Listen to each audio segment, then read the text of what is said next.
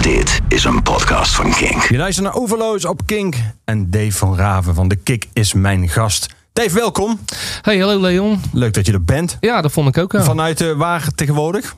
Ja. Waar woon jij tegenwoordig? Ik woon in uh, wat Oltgensplaat heet dat plaatsje. Heel klein, op goede overvlakke is dat. In Zuid-Holland nog. Maar het doet heel erg zeels aan hoor. Moet uitkijken wat ik zeg. Want iedereen vindt dat daar zo'n scheldwoord, Zeeland. Maar, ja, is dat uh, geen Ja, dat ligt gevoelig uh, daar zo. Ja. Maar nee, ik zit daar heerlijk joh. Lekker in de lulte. Onwijs lekker. Hoe ben je daar verzeild geraakt? Via website Funda. Ja, zo, zo gaat het tegenwoordig. Hè. Ja. allemaal online vindt het plaats. Maar ja. daar ben ik heen gereden. Maar je moet toch en, dan zoeken op postcode of op gebied. Dus je kennelijk zat ja. in die richting wel nou, ik zat op goedkoop zat ik uh, vooral te zoeken. en landelijk. en Oost-Groningen was alles al verkocht. Ja, precies. Ja. Dus uh, nee, toen zijn we daar terecht gekomen. Ja, eerst een beetje in de Hoekse Waard gekeken en zo. Dat stond nog wel een stuk duurder allemaal. Uh, zit je toch wel rond, de, de, denk zo 300.000 euro of zo. Voor, voor een beetje vrijstaand huis zien. Want dat is wat we graag wilden. En uh, nou, toen kwamen we daar terecht. Dus toch weer ietsje verder, weet je wel. We zijn maar drie kwartieren vanaf Rotterdam eigenlijk. Uh, en daar uh, was het 200.000 euro, weet je wel, voor zo'n vrijstaand huis. Dus toen zijn we gaan kijken naar twee huizen daar. En het was gelijk raak eigenlijk. En toen hebben we dat gekocht. Dus ja, eigenlijk wel de beste beslissing geweest. of een van de in mijn hele leven, natuurlijk. ja. ja. Mis je iets aan de dynamiek van de stad, aan de drukte? Nou ja, soms. Ik heb altijd gezegd, nee, we wonen er nou een jaar of vier of zo. Maar uh, nu heb ik wel eens, als het regent en uh, dat ik dan niet weg kan. Of uh, weet je wel, dat je dan niet eentje thuis zit. Want dan, weet je wel, mijn vriendin is gewoon aan het werk door de week natuurlijk.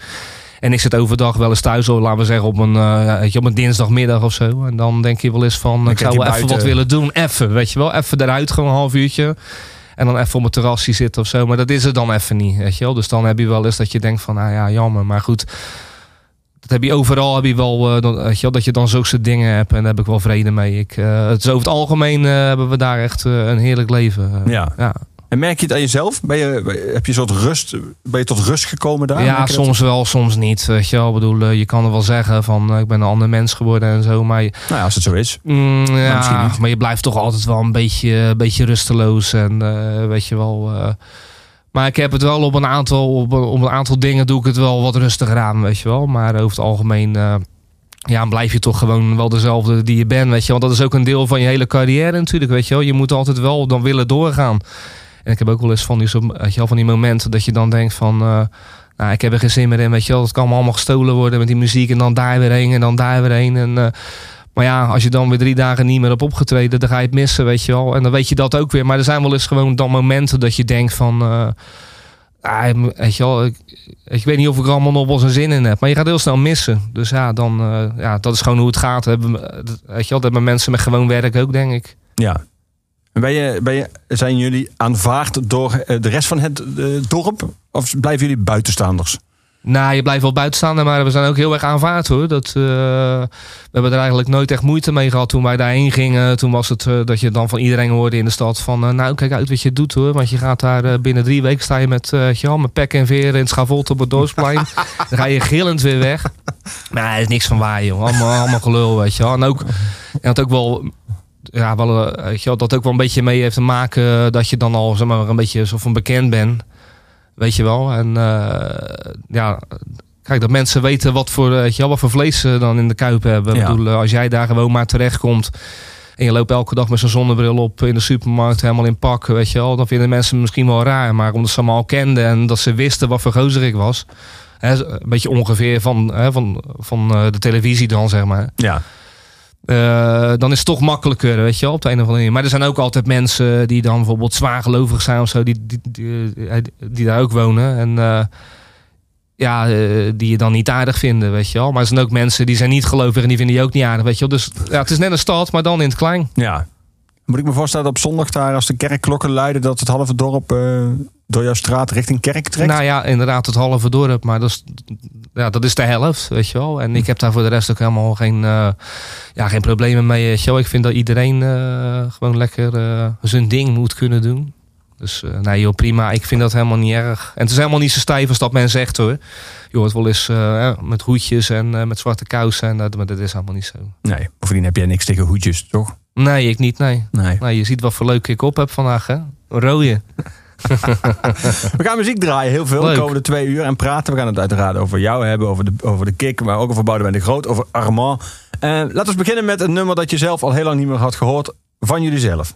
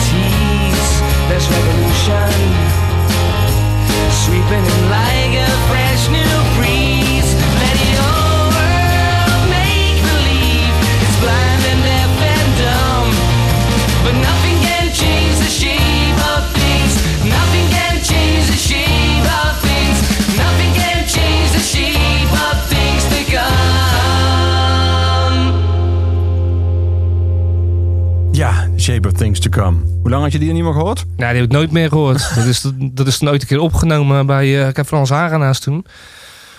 En ik heb dat nooit meer gehoord eigenlijk. Het is ook nooit uitgebracht. Ik eh, vind het een wonder dat je, dit, eh, dat je het hier hebt eigenlijk op diepe- videoband. de, de diepe krochten van ons archief. ja, Ja. leuk wel hoor, om te Ja. horen. Ja. Wanneer, wanneer was dit? Weet je nog? Ja, in het begin van de kick, nog voor onze eerste single, denk ik. nog Engelstalig natuurlijk.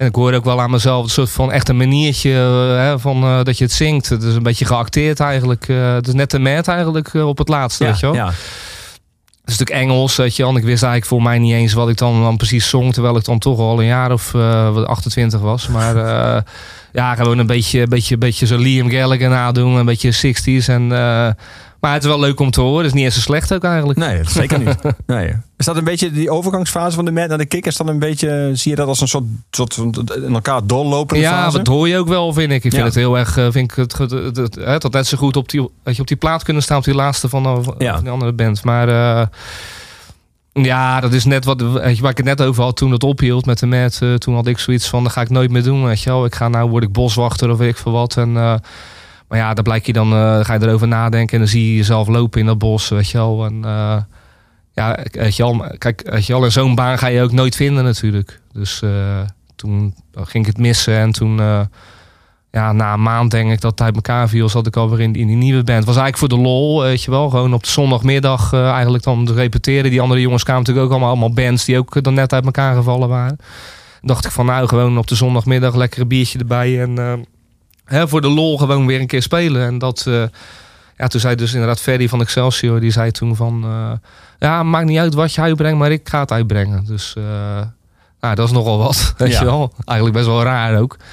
Maar goed, dus toen hebben we een singeltje gemaakt. En toen kwam van het een kwam het ander. En dan net als je het niet meer verwacht. Dan is het ineens, dan is alles aan ineens, weet je wel. Dus dat was natuurlijk onwijs leuk eh, hoe dat allemaal is gegaan. Het is, eh, het is echt heel erg organisch gegaan. Een beetje een eh, Silvio, zo, eh, Little Steven en Sopranos denken van... Just when I thought I was out, they put me right back in. Weet je dat idee? Ja, ja, die heb ik ook niet gezien, die serie. Moet ik nog een keer tijd voor maken. Maar, eh, weet je wel, maar ik hoor je. Ik hoor Ja, je. ja. Maar had je dat nodig, dat idee dat het wel even eh, niet tot iets hoefde te leiden? Was Ja. dat, e- Ik denk het wel. Ja. Ja. daar heb het alles mee te maken, denk ik. Dus het lot, hè, weet je wel. eh, dat dan net als je het niet meer verwacht, dat je denkt van, nou, ik ga het nou gewoon voor de lol doen en niet meer zo gehaaid van, eh, we moeten dan per se, weet je, op 3FM, eh, Nee. wat toen nog heel erg wat was natuurlijk, om mega hit te worden of zo. En als je dat op een gegeven moment loslaat, dat dat je niks meer interesseert, weet je wel, dan in één keer eh, ja, ligt de wereld aan je voeten, bij wijze van spreken dan natuurlijk. Maar ik bedoel, dan In ieder geval een deel, van, balletje een rol. deel van de wereld. Ja, ja. een klein deel. Ja, dat Engels, als je dat nu terug hoort, even los van dat je zegt van ik hoor allemaal, allemaal maniertjes en Ja. zo, maar hoe verhoud je nu tot jezelf horen met die taal? Dan denk je van dat, dat, dat, dat, dat, dat is waar, nou, dat is dan wat Duits, dat is waar helemaal, maar is dat een soort van Ja. afgesloten periode voor jou? of- Ja, ja, ja, zeker. Ja, ja, ja. Dus voor mij, weet je wel, dit was ook een van de cover, was dit, weet Ja. je wel. En eh, ja, ik was er nooit zo mee, mee in de weer, eh, wat het dan allemaal was. En ik kon wel horen wat het allemaal betekende natuurlijk. Daar gaat het voor de rest niet om, kan wel Engels. Maar eh, ja, daar was ik niet mee bezig tijdens die muziek. Ik stond het gewoon te zingen en ik stond het eigenlijk gewoon als een fonetisch na te zingen van het origineel. Dat deed ik in de mat ook altijd, weet je wel. Ik, heb, ik had geen idee, of tenminste, ik, ik was er in mijn hoofd als ik het zong, was ik daar niet mee bezig met die tekst. Dus dan kan je uiteindelijk ook niet echt iets dan, eh, op, weet je, op publiek overbrengen, behalve energie dan, weet je. Want dat is wat we ook vooral deden met de mat natuurlijk. Ja. Maar nu is dat heel anders sinds ik eh, dan eh, weet je, wel, Nederlands ben gaan schrijven. Dat is dus ook de eerste keer dat, dat ik dus ook zelf teksten ben gaan schrijven, weet je wel. Dus eh, ja, nu, nu zit dat helemaal in mijn lijf. En ik kan me ook niet echt voorstellen dat als je gewoon Nederlands bent en Nederlands praat over het algemeen. En ook zo ben opgevoed en dat het eh, echt, eh, ja, weet je wel, dat dat echt gewoon helemaal in je, weet je wel, in je donder zit ja. dat je dan nog in een andere taal zou kunnen zingen. Ik bedoel, kijk, het is wel dat je het acteert. Hè, dat, dat kan altijd en daar kan je heel goed in zijn. Ja, maar voor mij is dat, is dat niks. Ik, Nee. eh, ik moet het echt kunnen, dat ik echt weet wat ik zeg. Gewoon hè, bij elk woord. En eh, ja, dat vind ik heel prettig zingen. Daar ben ik ook pas door de jaren heen achter gekomen natuurlijk. Maar eh, nee, ik zou echt nooit meer in het Engels willen zingen. Als ik mensen wel eens hoor zingen, weet je wel, dan gaan ook teksten vaak als Nederlandse band zijn, gaat het al heel snel weet je, over dingen waar je, die ook helemaal niet Nederlands zijn. Weet je wel. Dat gaat over, eh, weet je, over de mountains en over, weet ik veel, nou, weet ik niet over welke mountains je het hebt. Weet je wel. Maar eh, je hebt alleen de Limburgse- Valken- Ja, precies, Heuvelland. Valkenburg. Ja, maar goed, dat kan je ook niet echt een berg noemen, toch? Maar weet je wel, dat, dat, dat vind ik dan altijd jammer. Het wordt al heel snel een soort van toneelstuk, vind ik, als je als Nederlander eh, ja, in een andere taal gaat zingen. Vooral, in- ja, dus ook als je, weet je, als je als Nederlander bijvoorbeeld in het Frans gaat zingen. Weet je wel. Ik denk dat je, dat je het nooit zo kan, eh, kan overbrengen als dat een echt Fransman dat, dat Ja. kan. Of een Canadees. Ja. Ja, een klein deel van Canada. Ja, precies. We gaan muziek draaien. Eh, Seekers, World of Our Own. Eh, waarom deze? Ja, ik vind die heel mooi. Ik ben er ook nog maar net achter gekomen. Een beetje stoffig, de ziekers, weet je wel. Dus nou ik net, nou ik daar woon, ga ik ook nog een beetje christelijke muziek draaien. Maar eh, ja, ik vind dat het, toen ik het hoorde, dacht ik ook van, ah ja, is wat te gek, weet je wel. Je gaat met je meisje, ga je dan op het, het platteland wonen. En hè, dan bouwen we ons eigen soort van, eh, ja, je, weet je wel, je eigen paradijs eigenlijk, weet je. Een soort fantasiewereld is het ook. die hele grote boze wereld met allerlei dingen die elke dag misgaan en allemaal kloten zo, waar ik me ook heel erg aan erger. Maar Kijk, als ik daar woon, kijk, wij maken wel onze eigen wereld, weet je wel. Staat de orgel in de garage en eh, ik heb alles wat ik wil. Een paar oude brommers, weet je wel. Want daar is een oude auto uit, eh, weet je wel. weet je wel. Ja, dat is alleen maar materieel natuurlijk. Maar eh, ja, je bouwt je eigen leven. En daarvoor vond ik dit nummer zo mooi toen ik het hoorde. Dacht ik Ja. tering, wat een mooi Dat- nummer eigenlijk zeg. En, en, had een beetje gevoeld dat het over jullie ging. Dat er aansloot, Ja, aansloot wel. bij deze Ja, ja, levensfase. ja. Maar in het algemeen ook hoor. Van, als het allemaal een beetje tegen zit. En dat je ziet wat voor ellende er allemaal in de wereld gebeurt. En dat je dan denkt van... eh, ja, god, weet je wel. Als je gewoon je eigen wereldje bouwt. eh, ja, daar kan je heel gelukkig in zijn. En dat vind ik er mooi aan.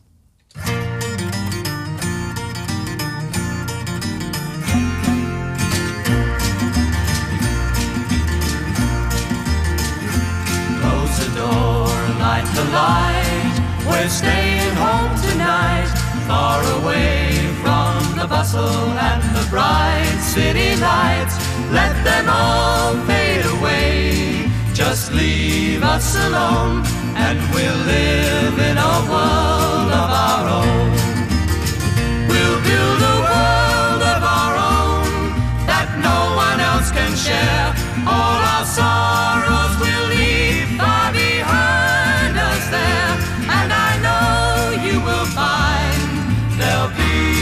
of mind when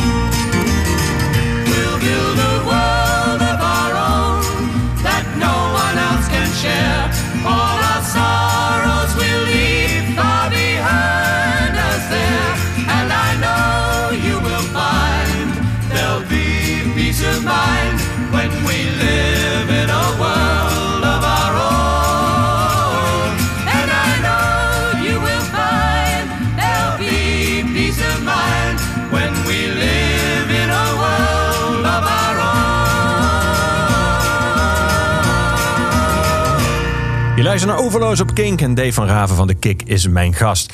Dave, in november, eh 22 en 23 november om heel precies te zijn, staan jullie met de Kik twee avonden in een hele bijzondere zaal. Een hele grote zaal ook. Ahoy Ja. in Rotterdam.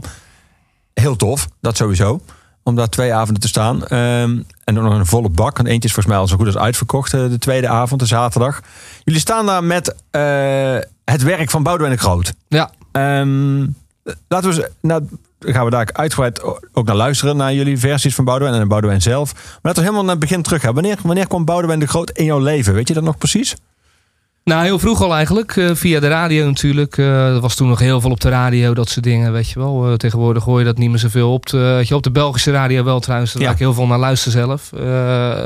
Ik vind het leuk, nog steeds FM-radio ook, om een beetje te schuiven. En, en dan luister ik veel naar België en, daar- en dan komt hij nog wel vaak langs. Eh, maar je had het... eh, hè, d- d- ja, toen ik jong was, ik denk eh, jaar of, vanaf een jaar of zes of zo. eh, ja, toen hoorde ik hem vaak langskomen op de radio. Ging ik dan vragen aan mijn ouders van eh, wie is dat? Eh, want het viel me op, die muziek. Ik vond het leuk. Ik vond het ook... eh, Wat viel je op? Weet je dat nog? nou, zijn stem vooral Hm. ook. eh, en eh, ik- ja, ik denk ook hoe de hele composities in elkaar zaten, weet je wel. Niet dat je dat als kind eh, dan al zo goed beseft. Maar dat is ook het leuke aan muziek natuurlijk. Dat je dat helemaal in het begin ook niet weet en heel erg onbevangen bent. Ja, in het begin eigenlijk soort intuïtief op Ja. mooi vindt en daarna pas snapt waarom. Ja, dat klopt. Ja, en dan wordt het nog mooier vaak, weet je wel. Als je het al, eh, weet je, als je al weet dat je het heel leuk vindt. En, eh, maar goed, het, eh, het was mij opgevallen en ik hoorde het steeds vaker. En ging vragen aan mijn ouders wie het dan was. Eh, nou, zeiden ze dus wie het was, Boudewijn de Groot. Eh, en toen ben ik eigenlijk later, eh, toen we gingen altijd op zaterdag op de markt, eh, gingen we altijd naar, eh, ja, naar de rommelmarkt, weet je. En dan ging ik altijd allemaal, weet je, allemaal plaatjes zoeken van draaiorgels en zo. Op een gegeven moment ging er dus ook al die popmuziek opvallen. En dan ging ik daar ook naar zoeken, weet je wel. Heb ik eh, dan eh, mijn eerste plaat gekocht. eh, gewoon zo'n, zo'n best-of, weet je met twee platen erin. En nou ja, ermee naar huis genomen. Ik had alleen maar platen thuis eigenlijk. Ik had zo'n klein pick-upje. En terwijl iedereen toen al voor mij allemaal cd's had. Maar daar was ik helemaal niet mee bezig. Vond altijd dan, dus platen vond ik al gewoon mooi, weet je wel. En ja, toen ben ik te gaan luisteren. En zijn al die nummers zijn helemaal in mijn lijf gaan zitten, weet je wel. En toen... een jaar of 16 of 15 was of zo, eh, een beetje eh, zo, weet je wel, in de puberteit. Toen ben ik eigenlijk pas een, weer een beetje verder gaan speuren naar wat hij nog meer gemaakt had. In plaats van alleen die plaat. Ja. En toen kwam het dus bij, eh, ja, bij Voor de Overlevende uit, zijn tweede plaat. Ja, en dat is toen echt ja, de soundtrack van mijn hele puberteit is dat geworden, weet je wel. Is dat voor veel van zijn fans, is dat, is dat zijn grootste meesterwerk? Ja, voor mij ook. Klopt dat? Ja, daar voor mij ook. Ja. Ik vind dus uh, in haar Picnic, die daarna komt, vind ik misschien wel, ja, ook, weet je wel, wat mensen zo geniaal. Maar dat hangt toch ook voor mij heel erg op het arrangement en zo, weet je wel. En uh, terwijl uh, als je van de tweede plaat, uh, als je, als je het allemaal uitkleedt en je en doet het alleen op, gewoon op een gitaar, is een heel oud verhaal, maar dan is het nog steeds blijft overeind, weet je wel. Het is zo sterk hoe dat, weet je wel, hoe dat elkaar aanvult en... ja, ik vind dat wel zijn beste werk, ja, voor Ja. de overlevende. Ja, hoor. Maar begreep jij toen al, want toen was je nog echt heel jong, begreep jij toen al ook waar die over zong? Of was het vooral zijn, zeg maar, zijn stem en, en gewoon de liedjes zelf? Ja, en de tekst natuurlijk, hoe die in elkaar zit. Uh, je hoort dat het heel lyrisch is, weet je wel. En dat is ook wat heel erg opvalt, terwijl je pas later uh, ook wel dan gaat snappen dat er ook wel echt een soort van betekenis achter zit, die helemaal niet moeilijk te ontdekken is ook trouwens. Want uh, kijk, Lennart Nijg, uh, die al die tekst heeft geschreven, Ja. dus die, ja, die schrijft gewoon heel goed. Maar wel ook voor een heel groot publiek. Ja. En dat vind ik heel knap, weet je wel. Je kan heel erg op een volkse manier schrijven, waar ik ook van hou overigens. Hoor. Maar eh, dat echt iedereen het snapt, dat, je, hè, dat dan zeg maar een aap het snapt, weet Ja. je wel. Eh, maar je kan ook zo schrijven dat iedereen het snapt en dat het ook nog eens heel goed is. Ja, eigenlijk was hij een, een Ja. vol- volksdichter, zou je bijna Ja, zeggen. was daar eh, zo ontzettend goed. En ook altijd met een soort van nostalgisch element erin. Weet je wel, wat helemaal niet stoffig wordt. Want het, het- altijd is het nog gewoon dan de- allemaal bij de tijd. Eh, en eh, ja, ook wel een soort melancholisch, weet je wel. Ik, ja, er zit, voor mij zit in die tekst zit alles in. En ook omdat dan Boudewijn het zo goed op muziek gezet heeft. Eh, want als je het dan losleest, zijn het ook mooie gedichten hoor. Maar als het, als het op muziek staat, en wat, wat ik vind dat Boudewijn het gewoon ontzettend goed gedaan heeft. Ja, dan is het, dan, dan is het compleet. Het zijn eh, de, weet je wel, de John Lennon en Paul McCartney niet, heel- niet op die manier, maar in ieder geval voor, hè, voor de popmuziek in Nederland. Ja. er kan echt elke eh, ja, als Nederlandstalige tekstdichter nog een puntje aan zuigen, weet je wel. En zeker tegenwoordig. Je had vroeger nog waardige kleinkunstdichters, weet je wel. Die er nu nog steeds zijn hoor. Eh, ik hoor nog steeds wel de mooie liedjes van mensen van nu en zo. Maar eh, ja, ik vind dat echt... eh, de, hè, er is geen band in het Nederlands die het daarbij haalt. Nee. Is het gedateerd, vind je? Of is het helemaal... Nee. Oké, dat is heel helder. Hoef je er niet heel lang over na te denken. Ja, wat is gedateerd, weet je wel. Ik Ja, vind dat, dat, je, van... dat je het luistert en denkt... oh ja, dat was, dat was in die tijd heel eh, bijzonder... maar Ja. is nu wel een soort van achterhaald... of het, de sound is veranderd. Ja. Of, Nou, bijvoorbeeld Picnic heb ik dat dan meer dan bij Voor de Overlevenden. Ik bedoel, eh, kijk, en het is natuurlijk een opnametechniek. eh, die waren toen heel anders dan nu. Wij hebben dat natuurlijk live opgenomen nu. En dat, dit zal voor een heel groot gedeelte ook wel gewoon live zijn hoor, in de studio dan, Boudewijn. Eh, maar wat Boudewijn ook tegen mij zei, zei ja, zoals die nu klinkt, zoals jullie hem opgenomen hebben, zo had hij eigenlijk dus moeten klinken toen de tijd, weet je. Maar dan heb je het gewoon over het geluid en eh, over de opnametechniek. Maar ik vind natuurlijk juist het hele, eh, ook de nostalgie aan die plaat vind ik natuurlijk mooi, weet je wel. Dat het zo klinkt, dat, dat is voor mij geniaal. Maar dat dat is, dat is gewoon maar mijn mening natuurlijk. Ehm, maar hè, van Picnic heb ik dat meer. Dat, dat heb ik met Sgt. Pepper ook van eh, de Beatles. Weet je wel. Ik vind ook, dat is een revolver, vind ik tijdlozer dan Sgt. Pepper. Omdat het heel erg hangt op die psychedelica. Ja, en dat is ja. eigenlijk omdat Picnic is ook een beetje een soort van polder psychedelica. En ook een beetje ja, de Nederland, of, weet je wel, of het Nederlandse equivalent van Sgt. Pepper. En dat vind ik dan al vaak al, iets meer, eh, ja, inderdaad een beetje gedateerd klinken. Ja. Maar dat is helemaal niet erg natuurlijk. Maar daar ga ik toch voor voor de overlevende. Ja, dat eh Ja. ja. wel eh, dan zelf een betere plaat ook. ja. Laten we luisteren naar jullie live versie... van het eh, openings- en het titelnummer. Ja, Voor de dat is goed, ja.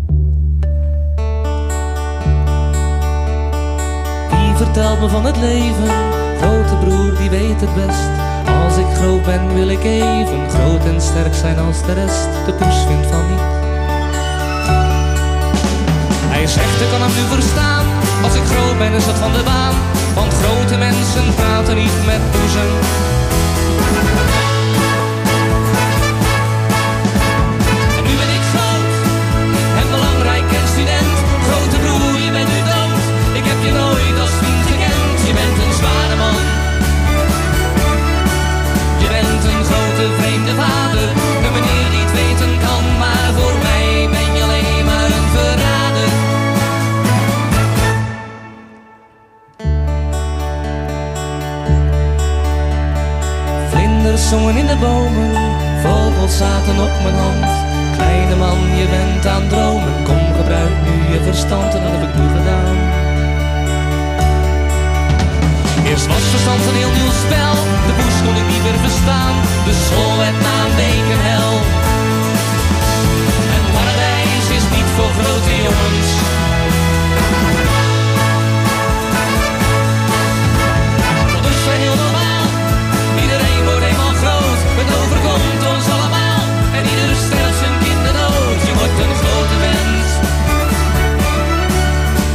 Een trage, lange jongen. Die Tacitus en Wolkers kent en al zijn dromen netjes heeft verdrongen.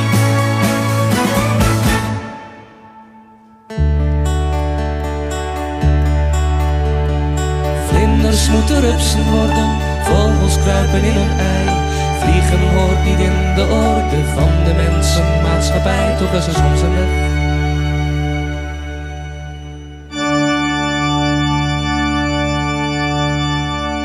Toch is er iets dat overleeft. En soms dan kan je even weg. Omdat wie wil wel vleugels heeft. Al is het dan alleen maar om te dromen. Alleen maar om te dromen.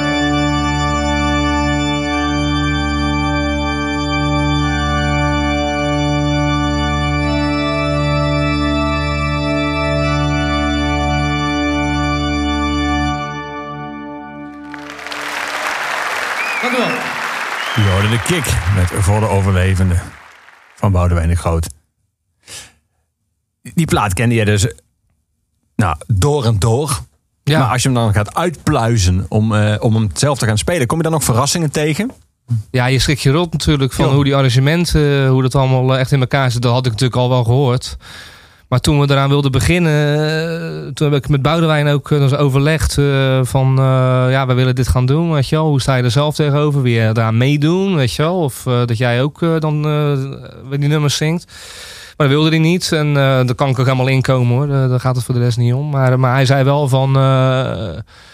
eh, nou ja, je wel, weet waar je aan begint. Weet je wel. Ik had het zelf ook al gehoord, maar eh, ik dacht, ja, als hij het zegt, eh, dan zal, ja, dan zal er ook wel gewoon weten hoe het allemaal in elkaar zit. En het is natuurlijk een hele onderneming, omdat je hebt zoveel mensen ook nodig. En dan was het ook nog eens zo dat al die, eh, bij die arrangementen eh, uit de 60s, die waren allemaal weg. Weet je wel. Er was gewoon op een ochtend, op een zondagmorgen ingespeeld eh, door eh, gewoon, weet je wel, gasten van het. Eh, ja, van het Avro Dansorkest of weet ik veel Ja. wat, weet je wel. En eh, die hebben gewoon, eh, die hebben dat ingespeeld. Die hebben gelijk al die, eh, weet je wel, die partituren hebben ze gelijk weggepleurd natuurlijk die Ja. ochtend. Dus er was niks meer van over. Dus heeft inderdaad Rijen Zwart eh, hebben wij toen eh, er aangetrokken daarvoor om al die, eh, weet je wel, die arrangementen eh, weer opnieuw eh, ja, weet je, aan de stijgers te zetten. En ja, eh, daar had ik ook dat ik dacht van ja, hoe ga je dat doen? Weet je wel? Ga je luisteren en dan moet je dat al die dingen, al die vlindertjes die erin zitten, al die bewegingjes, Ja. wat het juist allemaal zo geweldig maakt. Weet je, als dat net niet, allemaal net niet klopt, ja, dan heb je echt een bak ellende, dat, wil je niet weten. Dus eh, ja, ik had daar, eh, om heel eerlijk te zijn, nog echt een hard hoofd in. En ik had nog niks gehoord voordat onze eerste uitvoering was in Groningen. En ik had het nog niet gehoord, weet je. Want je kan ook niet dan even van tevoren, dat je weet nog niet of het een succes wordt of weet ik veel wat. Dus je kan ook niet even 25 man uitnodigen van jongens, we gaan het even één keer doornemen. En eh, dan gaan we volgende week optreden, weet je wel. Dus dat hadden we ook niet gedaan. Dus wij gingen s'morgens naar Groningen toe. Nou, dan was Rijen daar zo eh, met zijn partituren. En eh, heel dat orkest kwam voor de eerste keer opdraven natuurlijk. Dus kennis maken met iedereen. Nou, sowieso al fucking zenuwachtig. Want het, is, ja, het zijn je lievelingsplaten. Hij moet het spelen. En is het wel goed gelukt, weet je wel. Dus nou ja, eh, toen ging het uiteindelijk gingen we op het podium wel dan smiddags eventjes een doorloop gedaan. Maar ja, dan ben je nog nergens. Als het niks is, ja, wat doe je dan? Ja. Moet je s'avonds toch het podium op. Dus eh, nou, dat hele, waar je daar staan en heel het orkest, ja, dat valt in. Ja, overal kippenvel, weet je wel. Echt, alles was tot in de puntjes, had hij uitgezocht. En ja, het is zo knap. En hij heeft het echt in twee weken heeft hij dat helemaal gedaan. Dat is echt ongelooflijk hoe Ja. hij dat voor elkaar heeft gekregen. En anders had het ook niet zo, zo schitterend geworden, weet je wel. Stemt dan ook nederig eh, als je het hebt over het verschil tussen popmuzikanten en mensen met een klassieke achtergrond? Ja, want ik, eh, kijk, ik hoor het allemaal eh, wel tot op zekere hoogte. En als ik er echt, nou ja, kijk, ik zit niet zo in elkaar, weet je wel. Weet je wel, van die details, dat is wat het maakt, weet je wel, uiteindelijk. Je hebt dat andere ook nodig, maar eh, ja, ik vind dat wel heel knap dat je dat allemaal zo van de plaat gewoon, dus zonder losse tracks, hè, want dat is het er ook allemaal niet meer. Je moet gewoon Nee. naar die hele plaat luisteren in zijn geheel. En elk ding, en ik hoor het dan wel van, oh shit, die heeft hij ook gedaan, weet je wel. Dat is net even dat ding wat het zo belangrijk maakt. En ik, eh, ja, daar zou ik zelf uit een soort van, weet je wel, misschien wel uit een soort van een beetje gemakzucht, zou ik daar overheen kunnen kijken van, oh ja, kut, weet je wel. We eens vroeger met de Matt een nummer opgenomen uit de 60s, een cover. En toen hoorde ik pas toen die op het, weet je op het singeltje stond op de achterkant, dat ik een heel verkeerd akkoord eh, had gespeeld ergens. Weet je, dat ik dacht van, hoe heb ik die fout ooit kunnen maken? Maar ja, dat had ik eh, dan met dit had ik het waarschijnlijk ook weer gedaan, zoiets. Weet je wel. Ja, maar ja. hij niet. Dus dat is dan schitterend, weet je wel. Ja. Die waarschuwende, bijna vaderlijke woorden van eh Boudewijn de Groot zelf. Van weet waar je aan begint. Ja. Zijn die nog vaak door je hoofd gespookt of niet? Of, of viel die, in, die Ja, van tevoren wel natuurlijk. Ja. Ja, ja, toen we het eenmaal één keer hadden gedaan, toen was het eh, eraf, weet je wel. Eh, dat was, eh, En dan kun je dan ook zeggen, dan staat hij en dan gaat hij eigenlijk, zou je kunnen zeggen, daarna altijd goed? Ja, behalve twee avonden later eh, in eh, het nieuwe Luxor, dat hij er zelf zat, Boudewijn de Groot in de zaal. En toen ging het ook supergoed. Maar dan is het wel, eh, dan is het weer heel beladen, weet je wel. Want dan zit hij er en...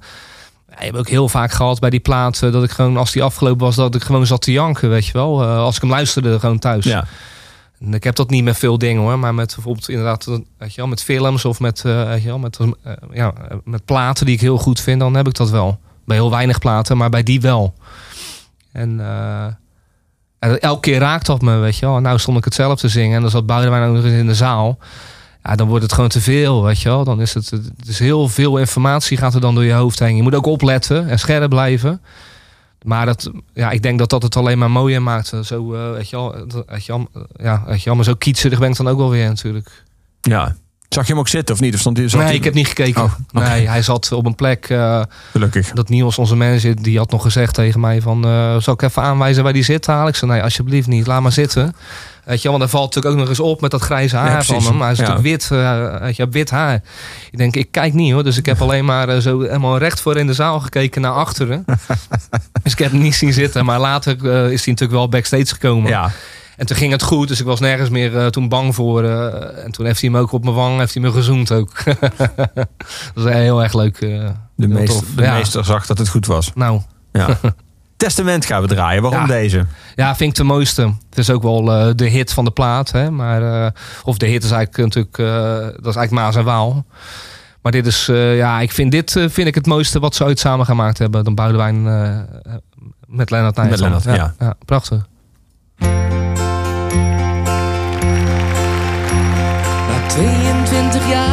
In het leven maak ik het testament op van mijn jeugd. Niet dat ik geld of goed heb weg te geven, voor slimme jongen heb ik nooit gedeugd. Maar ik heb nog wel wat mooie idealen, goed van snit, hoewel ze uit de mode zijn. Wie ze hebben wil, die mag ze komen halen, vooral jonge mensen vinden ze nog fijn.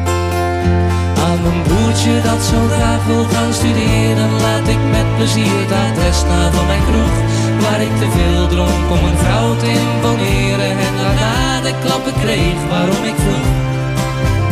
En dan heb ik nog een stuk of wat vriendinnen Die wel opgevoed en zeer verstandig zijn. En waarmee je dus geen donder kunt beginnen Maar misschien krijgt iemand anders ze wel klein neefje zijn mijn onvervulde wensen wel wat kinderlijk, maar ach, ze zijn zo diep. Ik behoorde immer tot die groep van mensen voor wie het geluk toch altijd harder liep. Aan mijn vrienden laat ik gaarne het vermogen om verliefd te worden op een meisjeslag. Zal ben ik helaas een keer te veel bedrogen, maar wie het eens proberen wil, die mag.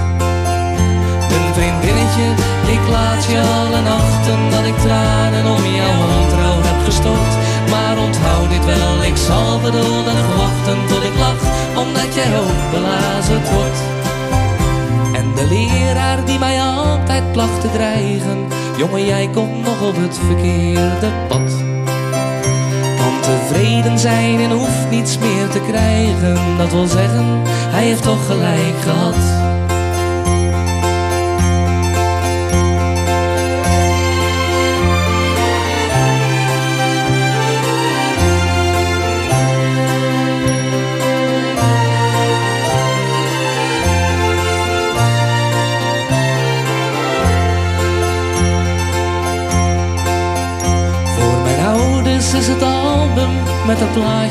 Die zo vals getuigen van een blijde jeugd.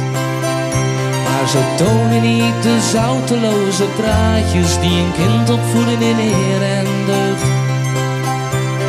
En verder krijgen ze alle dwaze dingen terug die ze mij te veel geleerd hebben die tijd. Ze kunnen mij tenslotte ook niet dwingen groot te worden zonder diepe rouw en spijt. Dan heb ik ook nog enkele goede vrienden, maar die hebben al genoeg van mij gehad. Dus ik gun ze nu het loon dat ze verdienden, alle drank die ze van mij hebben gejat. Verder niets, er zijn alleen nog een paar dingen die ik houd omdat geen mens er iets aan heeft. Dat zijn mijn goede jeugdherinneringen, die neem je mee zolang je verder leeft.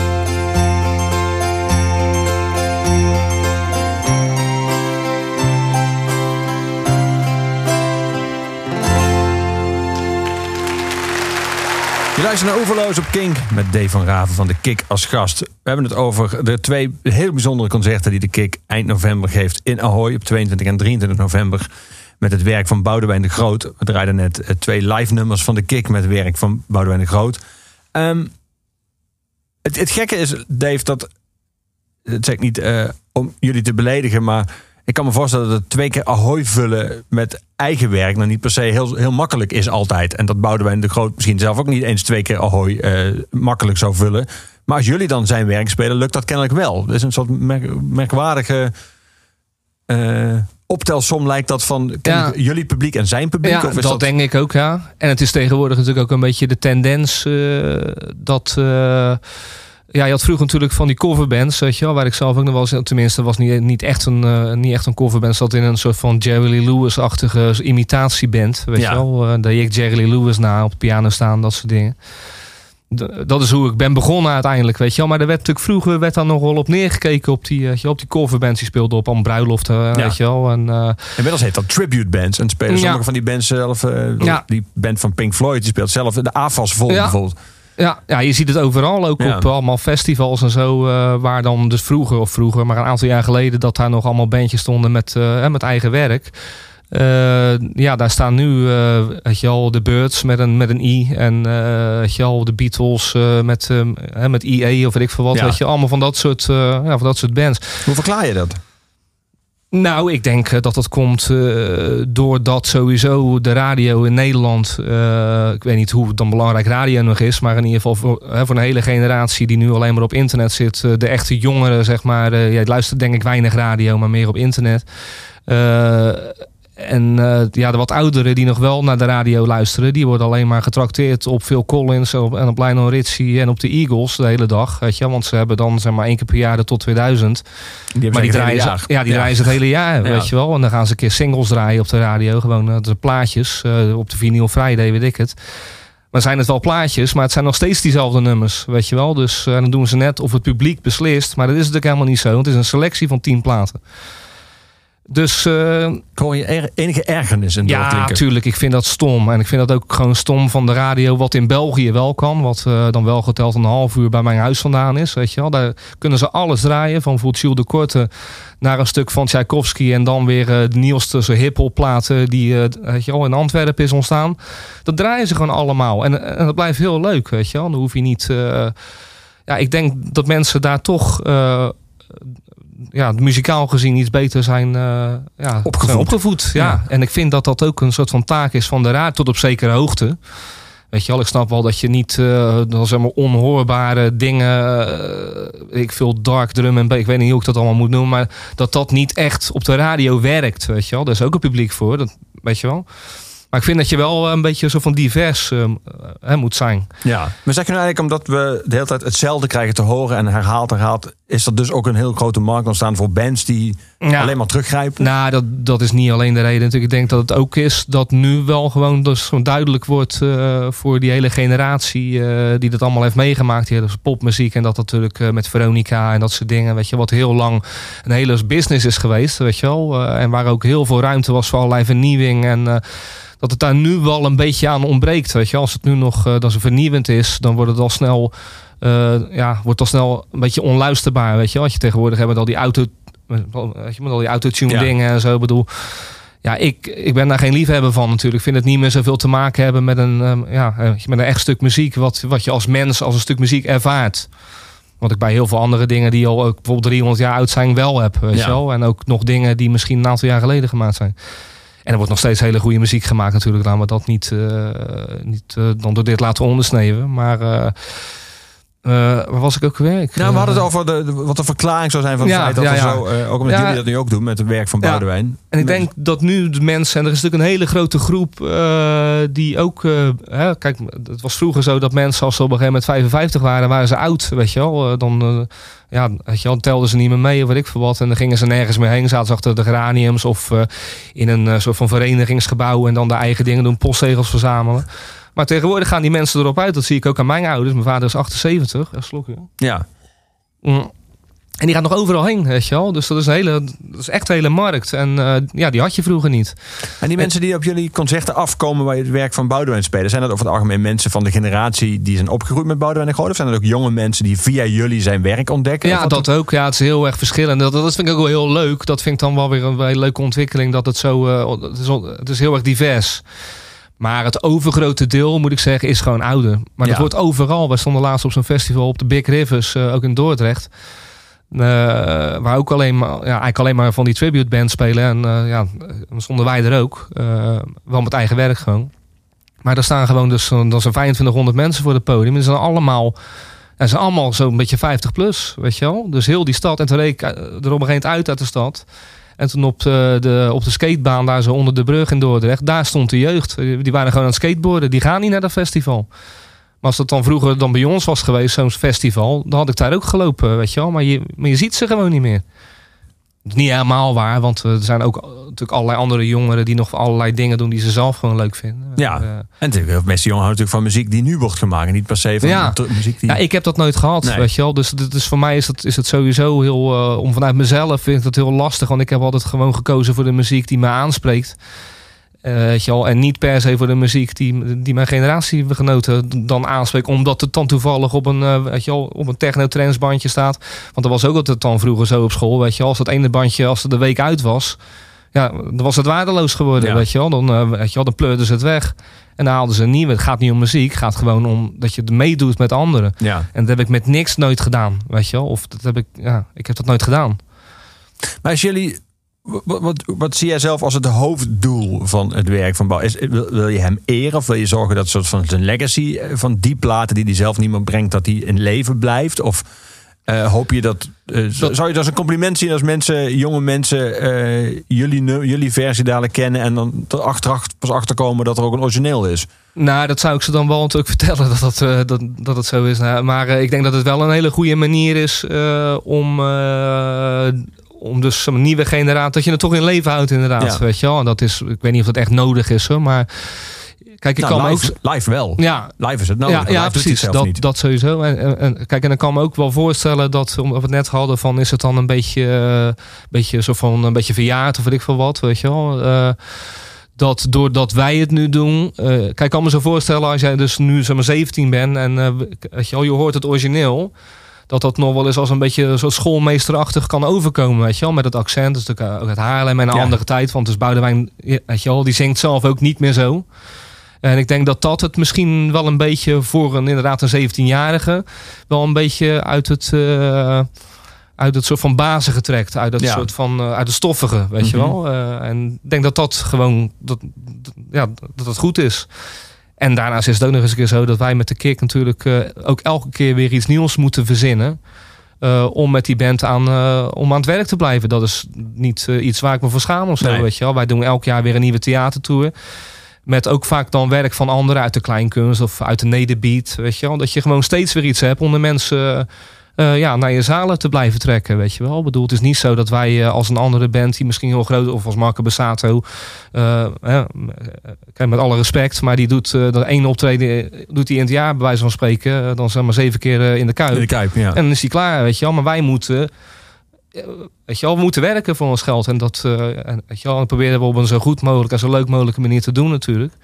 Dus dat is ook iets wat natuurlijk meespeelt. Gewoon een soort van zakelijk uh, weet je wel, dus aspect. Maar het is wel iets wat ik altijd al heb gewild. Weet je wel. Dat is nou juist dat het, uh, dat het elkaar gewoon dus complimenteert. Uh. Ja, we gaan uh, muziek draaien. We gaan luisteren naar The Birds. Daar gaan we het daar over hebben. Maar eerst gaan we luisteren naar Have You Seen Her Face? Have you seen her face? Her eyes reflect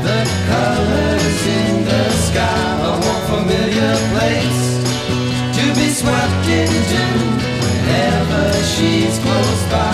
Makes me wonder why. Run by, don't turn back. Can't hide from that look in her eye. Must be the way she walks. A style made up to capture all she needs. No time spent on loose talk. If your luck runs right, she might see you tonight. Everything. Run by, don't turn back. Can't hide from that look in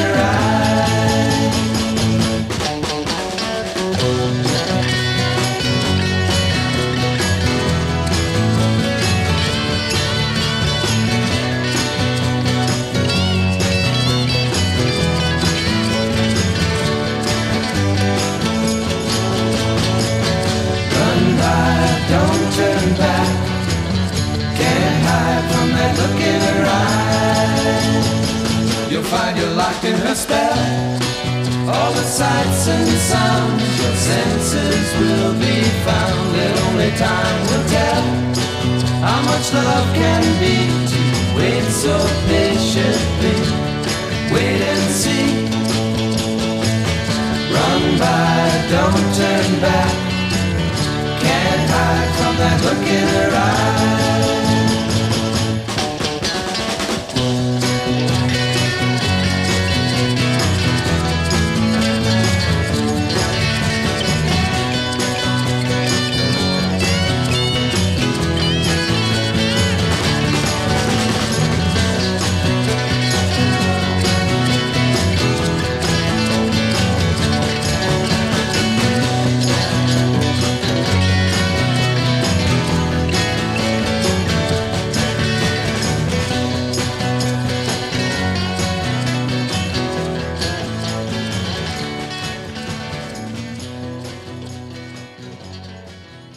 Ja, je luistert naar de Birds met Have You Seen Her Face. Een keuze van mijn gast in Oeverloos, Dave van Raven. We gaan daar naar de Beatles luisteren.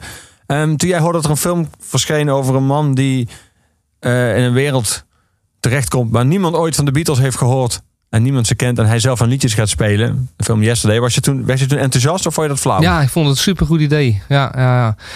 Eh, heel leuk gegeven inderdaad. Ja, ik, ik heb alleen van onze, van onze toetsenist Paul gehoord eh, dat, eh, dat de film hem een beetje...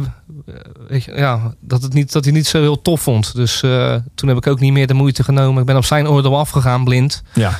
Wat je misschien nooit moet doen. En zeker niet in zijn geval. maar ik heb er niet meer gekeken. Dus eh, ik vind het eigenlijk wel jammer. Misschien ga ik hem nog wel kijken. Ja. Ik vind het Ja. gegeven heel leuk in ieder geval. Maar toen ik ook hoorde dat dan Ed Sheeran er ook in zat... had ik eigenlijk al gegeten Klopt. en gedronken. was voor mij genoeg om het, eh, om het naast me neer te leggen. Hey dude, stelt hij voor als ja, alternatief. vind ik niet zo goed grapje ook. Nee. Nee, niet zo leuk. Maar goed. Ik was laatst bij de première, of première, bij een, vo- een voorstelling van eh, de documentaire over Freek de Jonge, waarbij Freek de Jonge zelf aanwezig was. En hij had de film natuurlijk al honderd keer gezien over zichzelf. Dus hij was in de zaal ernaast naar deze film gegaan, Yesterday. Toen kwam hij daarna voor de Q&A, kwam hij terug in de zaal waar mensen naar de documentaire over hem hadden gekeken. En hij was er heel verdrietig van geworden van de Yesterday, omdat hij zei, heb je zo'n ongelooflijk mooi oeuvre. En dan is dan, wat eruit gedestilleerd wordt, is een soort flauw verhaaltje over. Hij, het maakt hem een soort mistroostig over het hele begrip eh, legacy, wat er dan Ja. overblijft van je, zeg maar. Ja, ja, ja. Ehm, hoe, hoe, zie, hoe zie jij dat in zijn algemeen? Want jij bent best wel ook, we gaan daar ook over Armand hebben, maar ook met het werk van anderen heb jij natuurlijk best wel bezig gehouden met wat de nalatenschap van eh, sommige artiesten Ja. is.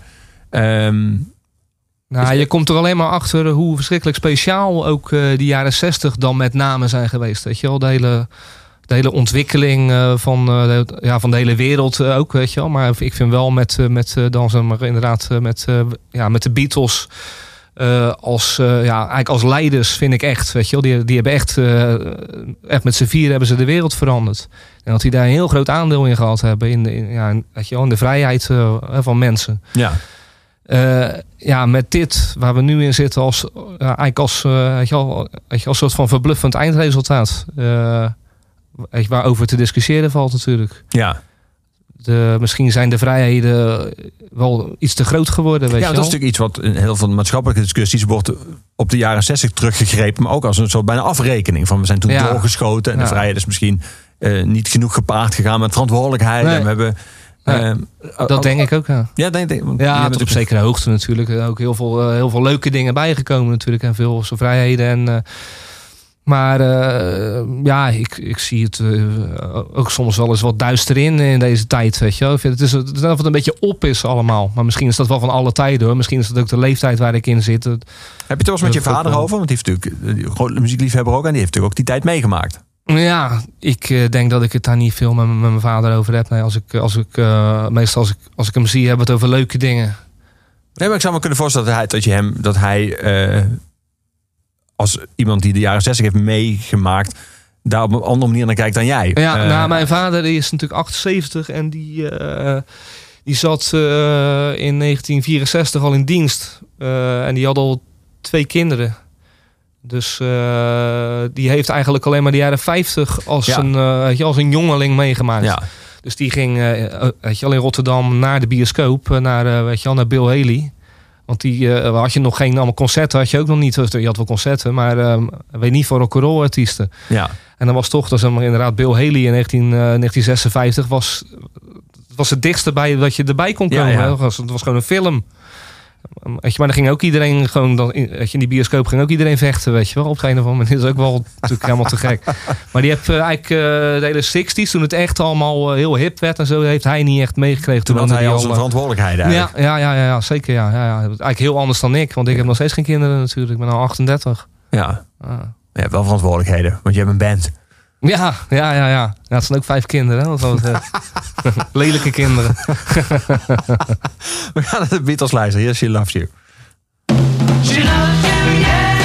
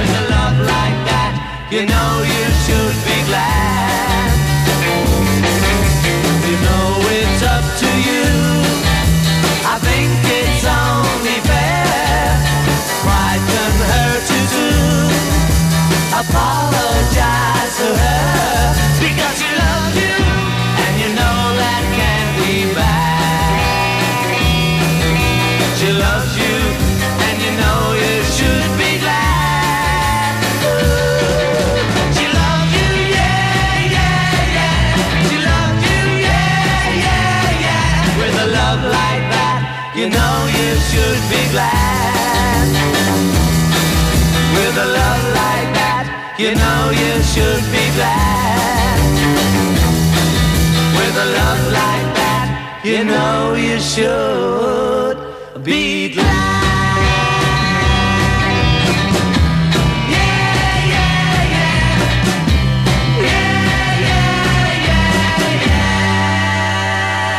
Je luistert naar Oeverloos op Kink met Dave van Raven van de Kik als gast. We hebben het over de twee heel bijzondere concerten die de Kik eind november geeft in Ahoy op 22 en 23 november.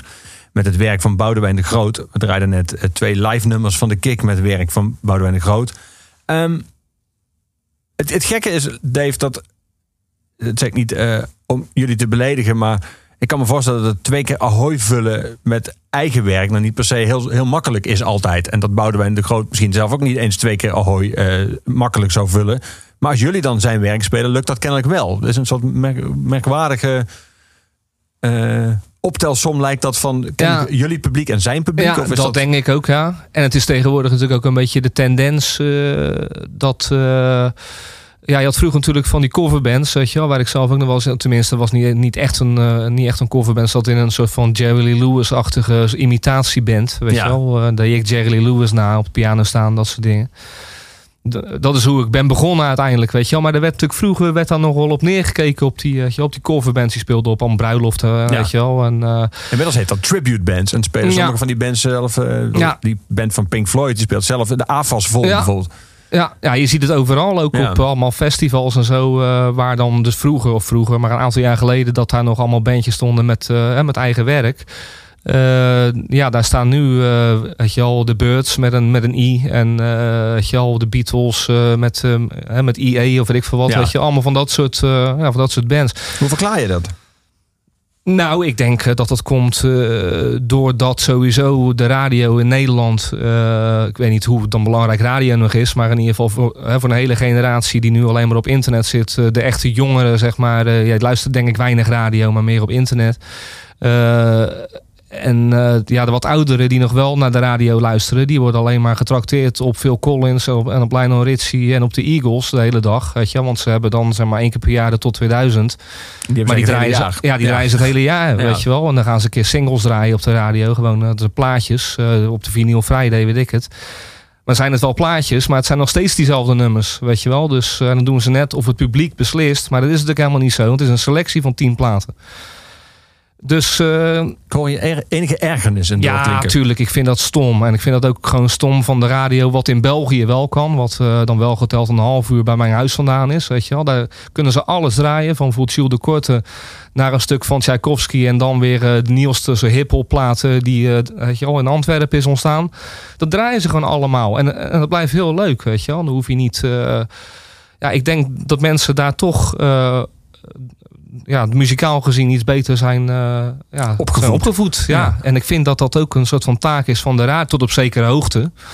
Weet je wel, ik snap wel dat je niet eh, dan zeg maar onhoorbare dingen, eh, ik veel dark drum en ik weet niet hoe ik dat allemaal moet noemen, maar dat dat niet echt op de radio werkt, weet je wel. Daar is ook een publiek voor, dat weet je wel.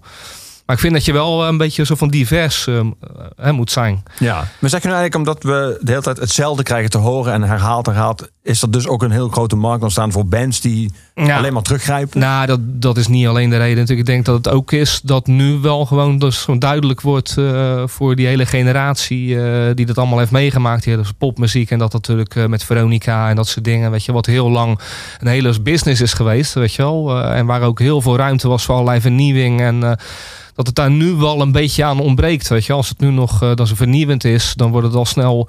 eh, ja, wordt al snel een beetje onluisterbaar. Weet je, als je tegenwoordig hebt met al die auto, met, weet je, met al die autotune Ja. dingen en zo. Bedoel, ja, ik, ik ben daar geen liefhebber van natuurlijk. Ik vind het niet meer zoveel te maken hebben met een, ehm, ja, eh, met een echt stuk muziek. Wat, wat je als mens als een stuk muziek ervaart. Wat ik bij heel veel andere dingen die al ook bijvoorbeeld 300 jaar oud zijn wel heb. Weet Ja. En ook nog dingen die misschien een aantal jaar geleden gemaakt zijn. En er wordt nog steeds hele goede muziek gemaakt natuurlijk. Laten we dat niet, eh, niet eh, dan door dit laten ondersneeuwen. Maar eh, waar was ik ook weer? Ik, Nou, we hadden het eh, over de, wat de verklaring zou zijn van het Ja, feit dat ja, ja. zo, eh, ook omdat jullie dat nu ook doen met het werk van Ja. Boudewijn. En ik denk dat nu de mensen, en er is natuurlijk een hele grote groep die ook. hè, kijk, het was vroeger zo dat mensen, als ze op een gegeven moment 55 waren, waren ze oud, weet je wel. Dan, ja, weet je wel, telden ze niet meer mee of weet ik veel wat. En dan gingen ze nergens meer heen, zaten ze achter de geraniums of in een soort van verenigingsgebouw en dan de eigen dingen doen, postzegels verzamelen. Maar tegenwoordig gaan die mensen erop uit. Dat zie ik ook aan mijn ouders. Mijn vader is 78. Een slokje. Ja. Mm. En die gaat nog overal heen, weet je wel. Dus dat is, een hele, dat is echt een hele markt. En eh, ja, die had je vroeger niet. En die mensen die op jullie concerten afkomen waar je het werk van Boudewijn spelen, zijn dat over het algemeen mensen van de generatie die zijn opgegroeid met Boudewijn en Groot? Of zijn dat ook jonge mensen die via jullie zijn werk ontdekken? Ja, dat ook. Ja, het is heel erg verschillend. Dat, dat vind ik ook wel heel leuk. Dat vind ik dan wel weer een hele leuke ontwikkeling. Dat het zo. eh, het, is, het is heel erg divers. Maar het overgrote deel, moet ik zeggen, is gewoon ouder. Maar dat wordt overal. We stonden laatst op zo'n festival op de Big Rivers, eh, ook in Dordrecht. Eh, waar ook alleen maar, ja, eigenlijk alleen maar van die tribute bands spelen. En eh, ja, dan stonden wij er ook. Wel met eigen werk gewoon. Maar daar staan gewoon dus, zo'n- dan zijn 2500 mensen voor het podium. En ze zijn allemaal, ja, ze zijn allemaal zo'n beetje 50 plus, weet je wel. Dus heel die stad. En toen reed ik er op een gegeven moment uit uit de stad. En toen op de, de, op de skatebaan daar zo onder de brug in Dordrecht, daar stond de jeugd. Die waren gewoon aan het skateboarden. Die gaan niet naar dat festival. Maar als dat dan vroeger dan bij ons was geweest, zo'n festival, dan had ik daar ook gelopen, weet je wel. Maar je, maar je ziet ze gewoon niet meer. Dat niet helemaal waar, want er zijn ook natuurlijk allerlei andere jongeren die nog allerlei dingen doen die ze zelf gewoon leuk vinden. Ja. Eh, En natuurlijk, mensen jongen houden natuurlijk van muziek die nu wordt gemaakt. En niet per se van Ja. muziek die... Ja, ik heb dat nooit gehad, Nee. weet je wel. Dus, dus voor mij is het, is het sowieso heel... eh, om vanuit mezelf vind ik het heel lastig. Want ik heb altijd gewoon gekozen voor de muziek die me aanspreekt. Weet je wel. En niet per se voor de muziek die, die mijn generatiegenoten dan aanspreekt. Omdat het dan toevallig op een, eh, weet je wel, op een techno-trance bandje staat. Want dat was ook altijd dan vroeger zo op school. Weet je wel. Als dat ene bandje, als het de week uit was... Ja, dan was het waardeloos geworden, Ja. weet je wel. Dan, eh, weet je wel, dan pleurden ze het weg. En dan haalden ze een nieuwe. Het gaat niet om muziek. Het gaat gewoon om dat je meedoet met anderen. ja. En dat heb ik met niks nooit gedaan, weet je wel. Of dat heb ik, ja, ik heb dat nooit gedaan. Maar als jullie... Wat, wat, wat zie jij zelf als het hoofddoel van het werk van Bouw? Is, wil, wil je hem eren of wil je zorgen dat soort van zijn legacy eh, van die platen die hij zelf niet meer brengt, dat die in leven blijft? Of eh, hoop je dat, eh, Dat- Zou je dat als een compliment zien als mensen, jonge mensen, jullie, jullie versie dadelijk kennen en dan er achteraf pas achterkomen dat er ook een origineel is? Nou, dat zou ik ze dan wel natuurlijk vertellen dat dat, dat, dat het zo is. Nou, maar ik denk dat het wel een hele goede manier is om, om dus een nieuwe generatie, dat je het toch in leven houdt inderdaad. Ja. Weet je wel. En dat is, ik weet niet of dat echt nodig is hoor, maar kijk, ik Nou, kan live, ook... live wel. Ja, Live is het nodig. ja, ja precies. Dat, niet. dat sowieso. En, en, en kijk, en dan kan me ook wel voorstellen dat, omdat we het net hadden, van is het dan een beetje, eh, beetje zo van een beetje verjaard of weet ik veel wat, weet je wel. Eh, dat doordat wij het nu doen. eh, kijk, ik kan me zo voorstellen als jij dus nu zeg maar 17 bent en weet je, wel, je hoort het origineel. Dat dat nog wel eens als een beetje zo schoolmeesterachtig kan overkomen, weet je wel. Met het accent, dus ook het Haarlem en een Ja. andere tijd. Want dus Boudewijn, weet je wel, die zingt zelf ook niet meer zo. En ik denk dat dat het misschien wel een beetje voor een inderdaad een 17-jarige wel een beetje uit het, eh, uit het soort van bazige trekt. Uit het Ja. soort van eh, uit het stoffige, weet je Mhm. wel. Eh, en ik denk dat dat gewoon dat, dat- ja, dat het goed is. En daarnaast is het ook nog eens een keer zo dat wij met de kick natuurlijk eh, ook elke keer weer iets nieuws moeten verzinnen. eh, om met die band aan, eh, om aan het werk te blijven. Dat is niet iets waar ik me voor schaam of zo. Nee. Weet je wel. Wij doen elk jaar weer een nieuwe theatertour. Met ook vaak dan werk van anderen uit de kleinkunst of uit de nederbeat. Weet je wel. Dat je gewoon steeds weer iets hebt om de mensen eh, ja, naar je zalen te blijven trekken. Weet je wel. Ik bedoel, het is niet zo dat wij eh, als een andere band die misschien heel groot of als Marco Bassato. eh, eh, met alle respect, maar die doet dat één optreden doet hij in het jaar, bij wijze van spreken. dan zeg maar zeven keer in de kuip. In de Kuip, ja. En dan is hij klaar, weet je wel. Maar wij moeten, weet je wel, we moeten werken voor ons geld. En dat en, weet je wel, en proberen we op een zo goed mogelijk en zo leuk mogelijke manier te doen natuurlijk. Dus dat is ook iets wat natuurlijk meespeelt. Gewoon een soort van zakelijk, eh, weet je wel, dat is een aspect. Maar het is wel iets wat ik altijd al heb gewild, weet je wel. Dat is nou juist dat het, eh, dat het elkaar gewoon dus complimenteert. eh. Ja, we gaan eh, muziek draaien. We gaan luisteren naar The Birds. Daar gaan we het daar over hebben. Maar eerst gaan we luisteren naar Have You Seen Her Face? Have you seen her face?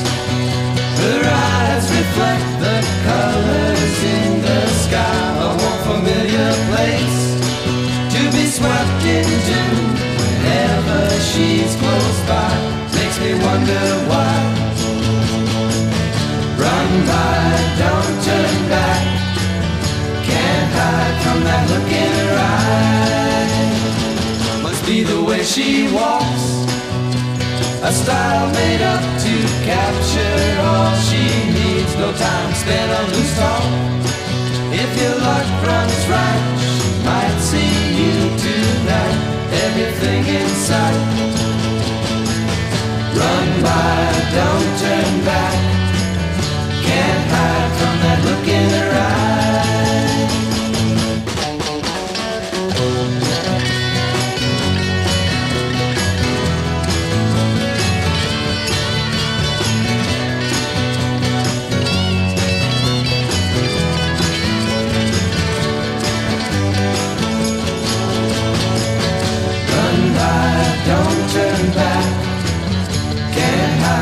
that look in her eye.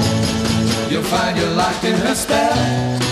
All the sights and sounds, your senses will be found. And only time will tell how much love can be. To wait so patiently, wait and see. Run by, don't turn back. Can't hide from that look in her eye.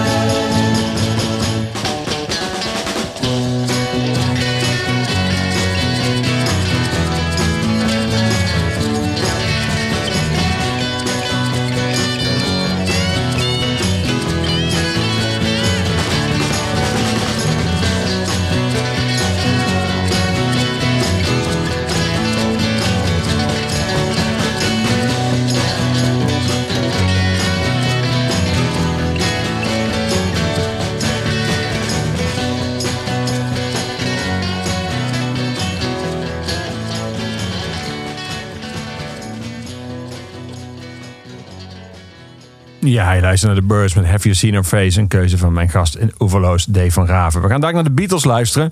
Ehm, toen jij hoorde dat er een film verscheen over een man die eh, in een wereld terechtkomt... waar niemand ooit van de Beatles heeft gehoord en niemand ze kent... en hij zelf aan liedjes gaat spelen. De film Yesterday. Was je toen, was je toen enthousiast of vond je dat flauw? Ja, ik vond het een supergoed idee. Ja, ja, ja. Eh, heel leuk gegeven inderdaad. Ja, ik, ik heb alleen van onze, van onze toetsenist Paul gehoord eh, dat, dat de film hem een beetje... eh, weet je, ja, dat, het niet, dat hij niet zo heel tof vond. Dus eh, toen heb ik ook niet meer de moeite genomen. Ik ben op zijn oordeel afgegaan, blind. Ja. Wat je misschien nooit moet doen. En zeker niet in zijn geval. maar ik heb er niet meer gekeken. Dus eh, ik vind het eigenlijk wel jammer. Misschien ga ik hem nog wel kijken. Ja. Ik vind het Ja. gegeven heel leuk in Ja. ieder geval. Maar toen ik ook hoorde dat dan Ed Sheeran er ook in zat... had ik eigenlijk al gegeten Klopt. en gedronken. was voor mij genoeg om het, om het naast me neer te leggen. Hey dude, stelt hij voor als ja, alternatief. vind ik niet zo goed grapje ook. Nee. Nee, niet zo leuk. Maar goed. Ik was laatst bij de première, of première bij een, vo- een voorstelling van eh, de documentaire over Freek de Jonge, waarbij Freek de Jonge zelf aanwezig was. Eh, en hij had de film natuurlijk al honderd keer gezien over zichzelf. Dus hij was in de zaal ernaast naar deze film gegaan, Yesterday. Toen kwam hij daarna voor de Q&A, kwam hij terug in de zaal waar mensen naar de documentaire over hem hadden gekeken. En hij was er heel verdrietig van geworden van de Yesterday, omdat hij zei, heb je zo'n ongelooflijk mooi oeuvre. En dan is dan wat eruit gedestilleerd wordt, is een soort flauw verhaaltje over. Hij, het maakt hem een soort mistroostig over het hele begrip eh, legacy, wat er dan Ja. overblijft van je, zeg maar. Ja, ja, ja. Ehm, hoe, hoe, zie, hoe zie jij dat in zijn algemeen? Want jij bent best wel ook, we gaan daar ook nog over Armand hebben, maar ook met het werk van anderen heb jij natuurlijk best wel bezig gehouden met wat de nalatenschap van eh, sommige artiesten Ja. is. Ehm, Nou, je komt er alleen maar achter hoe verschrikkelijk speciaal ook eh die jaren 60 dan met name zijn geweest. Weet je wel, de hele, de hele ontwikkeling eh, van, eh, de, ja, van de hele wereld eh, ook, weet je wel. Maar ik vind wel met, met dan zeg maar inderdaad met, ja, met de Beatles als, ja, eigenlijk als leiders vind ik echt, weet je wel. Die, die hebben echt, echt met z'n vier hebben ze de wereld veranderd. En dat die daar een heel groot aandeel in gehad hebben in de, in, ja, in- weet je wel, in de vrijheid van mensen. ja. Ja, met dit waar we nu in zitten, als, eigenlijk als, weet je wel, weet je, als soort van verbluffend eindresultaat. Waarover te discussiëren valt natuurlijk. ja. De, misschien zijn de vrijheden wel iets te groot geworden. Weet ja, je dat is natuurlijk iets wat in heel veel maatschappelijke discussies wordt op de jaren 60 teruggegrepen, maar ook als een soort bijna afrekening van we zijn toen Ja. doorgeschoten en de Ja. vrijheid is misschien eh, niet genoeg gepaard gegaan met verantwoordelijkheid. Nee. En we hebben.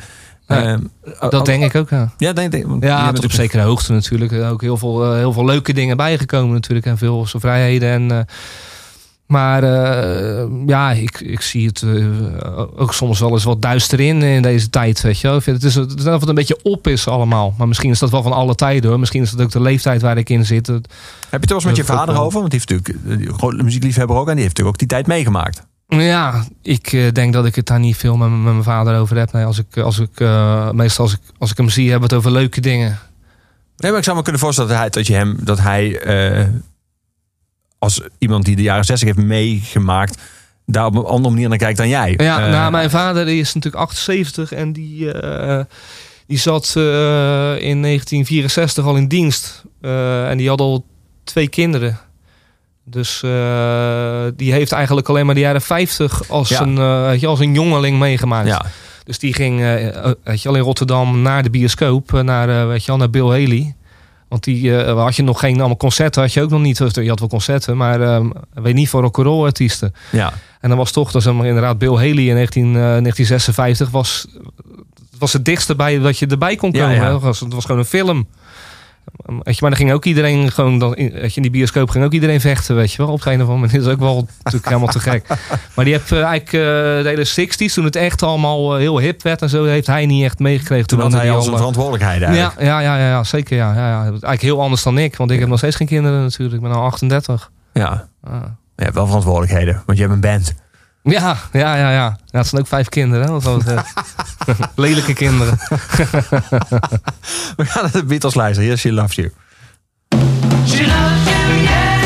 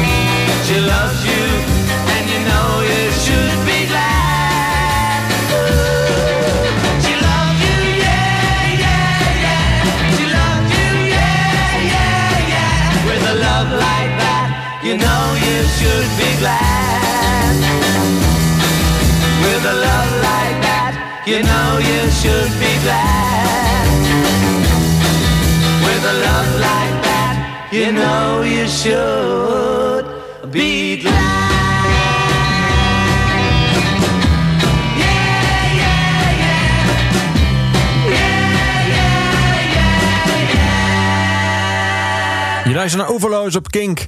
En Dave van Raven van de Kik is mijn gast. Dave, we hebben het uitgebreid over Boudewijn de Groot eh, gehad. Laten we eens hebben over een andere legende... waar jullie intensief mee hebben samengewerkt... en die jij vaak hebt geëerd. Armand. Ja, Helaas niet meer onder ons. eh, heeft ons ongelooflijk veel mooie liedjes... en fantastische teksten eh, nagelaten. En heeft ook tot laatst van zijn leven live gespeeld. En dat deed hij altijd heel vurig. En als zijn gitaar dan zijn snaar brak... dan deed hij knip en dan ging hij precies verder waar hij gestopt was. ja. Ehm, jullie hebben eh, een album met hem samen opgenomen. Hoe, hoe, wat herinner jij vooral van de, van de studiotijd? Hoe was dat? Eh, nou, hij was altijd veel te laat. Eh, op de eerste dag dat we hem, dat we hem ooit, dat we hem ooit, nou niet dat we, hem ooit zagen, maar dat we met hem hadden, dat we, dat we een onder onsje hadden, zeg maar. Eh, toen was hij echt keurig op tijd. En dan ging ik ook altijd, altijd in, weet je wel, in allemaal interviews dan gelijk zeggen van hij is altijd stipt op tijd. En, eh, maar, maar dat bleek dus achteraf helemaal niet zo te zijn. Hij was altijd veel te laat. Ja. Dus dan kwam die eh, meestal in de studio pas om een uur of twee, drie kwam die dan pas binnen. Hij is echt ook een nachtmens natuurlijk, waar we ook maar achter moesten komen. Ja. Maar ik had het kunnen verwachten. En dan waren wij al uren, vanaf een uur of tien al in die studio. En kijk, het was wel zo dat dus wij wisten ook al die dag welke nummers we dan zouden gaan opnemen. En dan, eh, weet je, dan gingen wij al gewoon aan de gang. En hadden wij al een hele soort van, eh, echt een soort backing track erop staan. En dan kwam hij om een uur of drie. En dan ging hij het gewoon inzingen. En dan deed hij het één keer inzingen. En zei hij, "Tu- het is goed, het ging lekker.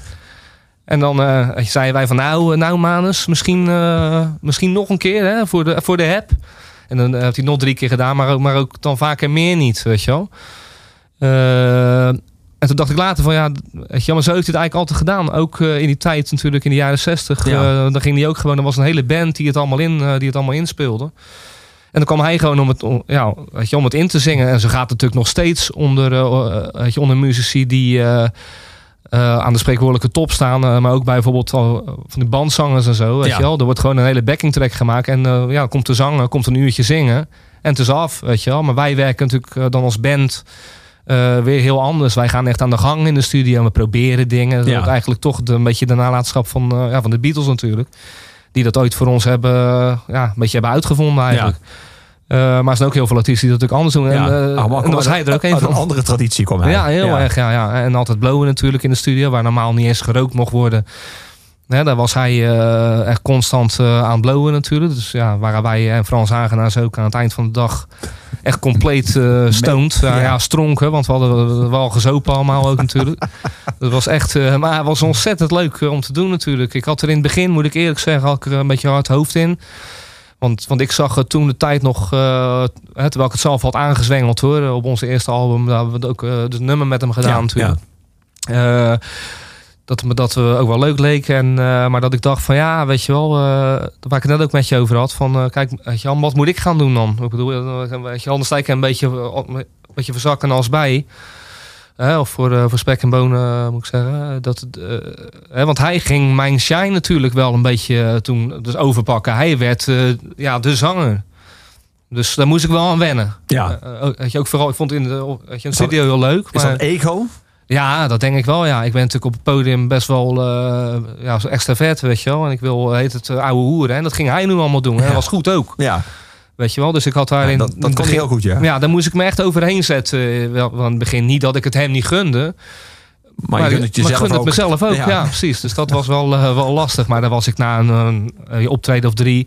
En dan ga je er anders in. Het was voor mij ook, was ook wel wat relaxter. Ik kon Ja. gewoon dan mijn gitaar pakken en dat optreden doen. Zonder dat ik dan zelf het, hè, dat ik dat, dat dan dus zelf het idee had dat ik de hele car moest gaan trekken. Ja, en als je dan toch een- jouw plek in de spotlight voor een deel moet afstaan, laat het dan maar aan Armand zijn. toch? Uiteraard, uiteraard, Ja. uiteraard. Dus het was eh, heel erg leuk om te doen. eh, en ook heel bijzonder. En eh, nou, ook op het eind natuurlijk. dat, hij als, dat hij als ziek werd. En dat dat ook tegen niemand zei. Hij had natuurlijk gewoon kanker. En dat hij tegen niemand gezegd, weet je wel. Want hij wilde ook niet met dat hele blowen... dat dat dan een slechte naam zou krijgen. Hè, Of het geval dat nog niet zo was. Ja.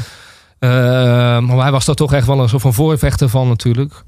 Nou, het heeft dan ook eh, nog Marcel, eh, je, onze bassist, heeft het hele boek nog over geschreven. biografie. Ja, en toen was het opeens over, weet je wel. Ja. En we hebben hem wel af zien takelen natuurlijk. Maar tot op, op het laatste moment de, heeft hij zich granig heeft hij zich gedragen hoor. En, nog elk optreden nog gedaan. En ja, het was uiteindelijk was het, eh, was het, was, het toch over natuurlijk. Ja. En toen eh, nog in de Effenaar Eindhoven eh, op het podium met zijn kist op het podium gestaan. en dan stonden wij daar eh, als band nog die nummers te spelen met, ja, met Bets Borgers en waren er allemaal bij. Nou, ontzettend bijzonder, weet je wel. Ja. En, toen hebben we de kist weggedragen met de band en nog met een paar goede vrienden van hem. Eh, ja, ik vond het, het, het, het is wel mooi dat we dat gedaan hebben. Want anders had hij gewoon een, eh, weet je had hij gewoon een crematie gekregen voor de vrienden en familie. Eh, wat uiteindelijk misschien wel, wel het belangrijkste is. Maar het was voor hem is het heel belangrijk geweest. Terwijl hij zelf niet wist wat we gingen doen. Ja. Maar hij had wel een laatste optreden nodig. En zo wordt het ook genoemd, weet je wel. Dus een Armands laatste show. Ja. Want dat wilde hij gewoon. En hij stond ook gewoon zelf op het podium. En wij speelden zijn nummers. Hij was er gewoon bij. Dus dat was eh, een hele spirituele ervaring eigenlijk. Voor Ja. ons ook, weet je wel. Heel bijzonder. Ja. En ik vond het ook heel mooi, dat vond ik ook van het album al, dat jullie hem, ik vond allemaal live fantastisch. En, en vurig en bevlogen. En, ja. eh, en hij dreigde een beetje door zijn, door zijn humor en de manier waarop hij ook vaak werd neergezet. Hij heeft altijd een soort typetje van zichzelf gemaakt, maar dat Ja. werd dan nog een keer uitvergroot in televisieprogramma's. Ja. Dreigde zijn muzikale legacy, dreigde wat overschaduwd te worden door het typetje. Terwijl met jullie album eh, werd hij ook als muzikant weer Ja. naar, naar voren geschoven. Dat Ja, ik heel nodig. belangrijk. Ja, ja, dat was zeker nodig. Ja. Ja, ja, want hij kon zelf ook wel eens, eh, vooral de laatste jaren in zijn muziek, heel erg doorslaan. Met zijn zesdubbele conceptalbum. En Ja, dan bijvoorbeeld. zijn-. Dat is eigenlijk, als ik heel eerlijk ben, eh, is dat een hele lastige plaat om. Er zullen ook wel mensen zijn die, die dat juist helemaal te gek vinden hoor. weet je wel. Maar ja, ik heb daar nooit een. Ik, ik ben daar nooit helemaal doorheen kunnen komen. Ik heb het wel eens geprobeerd, weet je wel. En dan ook om ze achter elkaar en misschien dus achteruit. eh, of tenminste van het, eh, je, van het laatste nummer Ja, naar het eerste. Gewoon kijken hoe dat uitpakt. Maar dat, dat is mij nooit gelukt. En, eh, en ik denk dat hij ook eh, eigenlijk wel een soort van producer daarvoor had Ja. nodig gehad. En dat waren wij in dit geval. Ja, Met z'n met z'n allen. En met Frans Hagenaars ook Ja. natuurlijk. Eh, en dat, had- dat had hij nodig, weet je Ja. wel. Want hij wilde altijd zelf op, z'n- ook op zijn gitaar spelen. En wij hoorden later dat hij dat dus ook vroeger bij de fonogram mocht hij dat ook niet. Want hij was niet strak op zijn gitaar, weet je wel. Eh, en toen hebben wij het dan ook tegen hem gezegd. zo, Ja, Manus, weet je, je kan beter gewoon uh, Arjan eh, gewoon zijn gitaar laten spelen, weet je wel. Want eh, ja, die kan dat gewoon eh, een heel stuk beter. En Ja. eh, er wordt beter van, weet je wel. Dus dan eh, hebben we dat gedaan. En daar was hij het ook mee eens. Hij had Ja. ons eh, ook gewoon compleet, eh, dat hij ons eh, daar helemaal in eh, ja, vertrouwde. Ja, en dan, en dan kan je met z'n allen, met zijn kwaliteiten en met de onze, tot een, eh, tot een heel mooi eindresultaat komen. ja. Dat is echt wel knap voor jullie, vind ik. Want hij, er zijn pogingen gedaan om een soort van Rick Rubin-achtige plaat met Ja. hem te maken. Heel uitgekleed. Maar hij stond eigenlijk helemaal niet open voor eh, zeg maar, de autoriteit van anderen. Maar voor jullie heeft hij toch een groot deel aangenomen dat er ook andere manieren zijn om die muziek op te nemen. Ja, ja, ja nou ja, goed. eh, dat is dan ook. eh, het is altijd. Ja, het, weet je wel, kijk, het was ook heel leuk in de studio. Het was heel gezellig en hij voelde zich welkom, denk ik. Weet je wel, en dan mocht blowen. En eh, ja, dat maakt het wel relaxed. En we luisterden naar hem ook, weet je wel. Want ook verhalen. Ja, Ja, hij had van zijn hele leven al die verhalen. Die, heeft hij, eh, weet je wel, die heeft Marcel gelukkig na de rand allemaal nog opgetekend. ook uit de eerste hand. ja. Eh, dus dat is ook goed dat dat hele boek er is, weet je wel. Ik bedoel, want wie had het anders gedaan? Ik bedoel, er is niemand aan begonnen. Hij was er zelf aan begonnen. Maar ja, een biografie die, hem, die iemand zelf schrijft is natuurlijk nooit interessant. En dit, eh, ja, het is toch een heel speciaal verhaal. Ik, weet je wel, ik wacht op de film. Niks voor jou. Er is zeker een film. Ja, sowieso moet hij in leven blijven gehouden. Ja, Zijn muziek en Zeker. zijn eh, erfenis. Dit is mijn persoonlijke favoriet van dat album. Dat het zo'n mooie samenwerking is. ook muzikaal tussen jullie verschillende rollen. De leadvokalen en hoe zijn energie met die van jullie samensmelt. Waar is je glimlach van Armand samen met De Kick?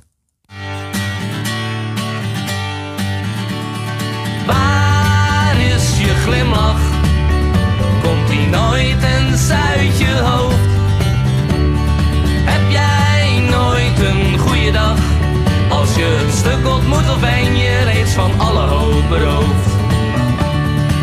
Ja, je hebt gelijk, je wordt ook maar geleefd. Men gooit maar met je lot. Van de ellende ga je elke dag een keer of drie kapot.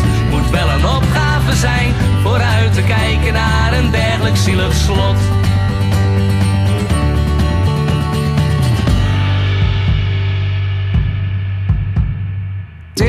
Je eens door de muur die je gebouwd hebt om de schuur waarin je je verschuilt.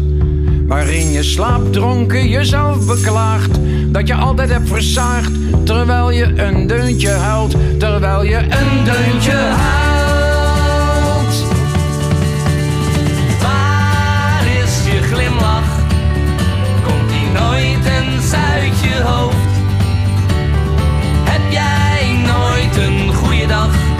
Als je een stuk ontmoet of ben je reeds van alle hoop beroofd?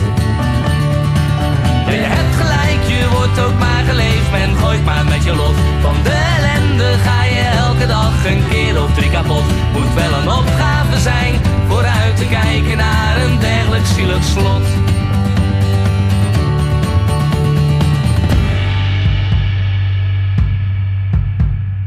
Ben jij nog nooit opgeteld, al had je het eigenlijk wel gewild? Wees eens flink, neem wat tijd. Omturnen doe je niet aan het strand of in een restaurant. Zoiets gebeurt met beleid, zoiets gebeurt met beleid.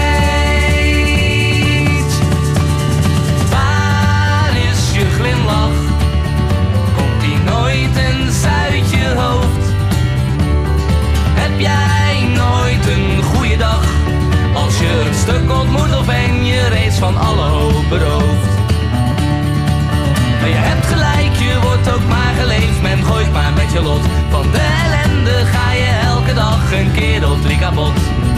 En die pen, die pudding en prut.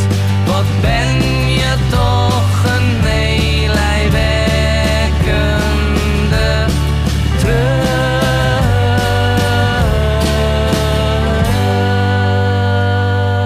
Je luistert naar Overloos op Kick, Kink. Ik had de Kick en de Kink bijna Netjes, elkaar. ja, leuk. op Kik, Goed Kik, idee. Op Kik.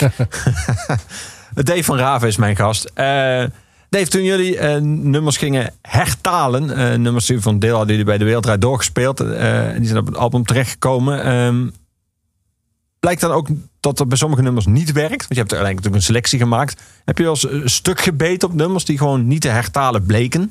Ehm, nou, ik, nee, nee, ja, ik denk dat dat wel gewoon voorkomt. Maar ik heb ze altijd daarop uitgekozen natuurlijk. Dus had ik al iets in mijn hoofd dat het er een beetje bij paste. En dan, ja, weet je wel, en dan ging het meestal wel. Ja. ik, weet je wel, ik ben daar gewoon ook goed in, in dat hertalen. Ja, weet je wel, niet om dan van mezelf. Ik vind het leuk in ieder geval.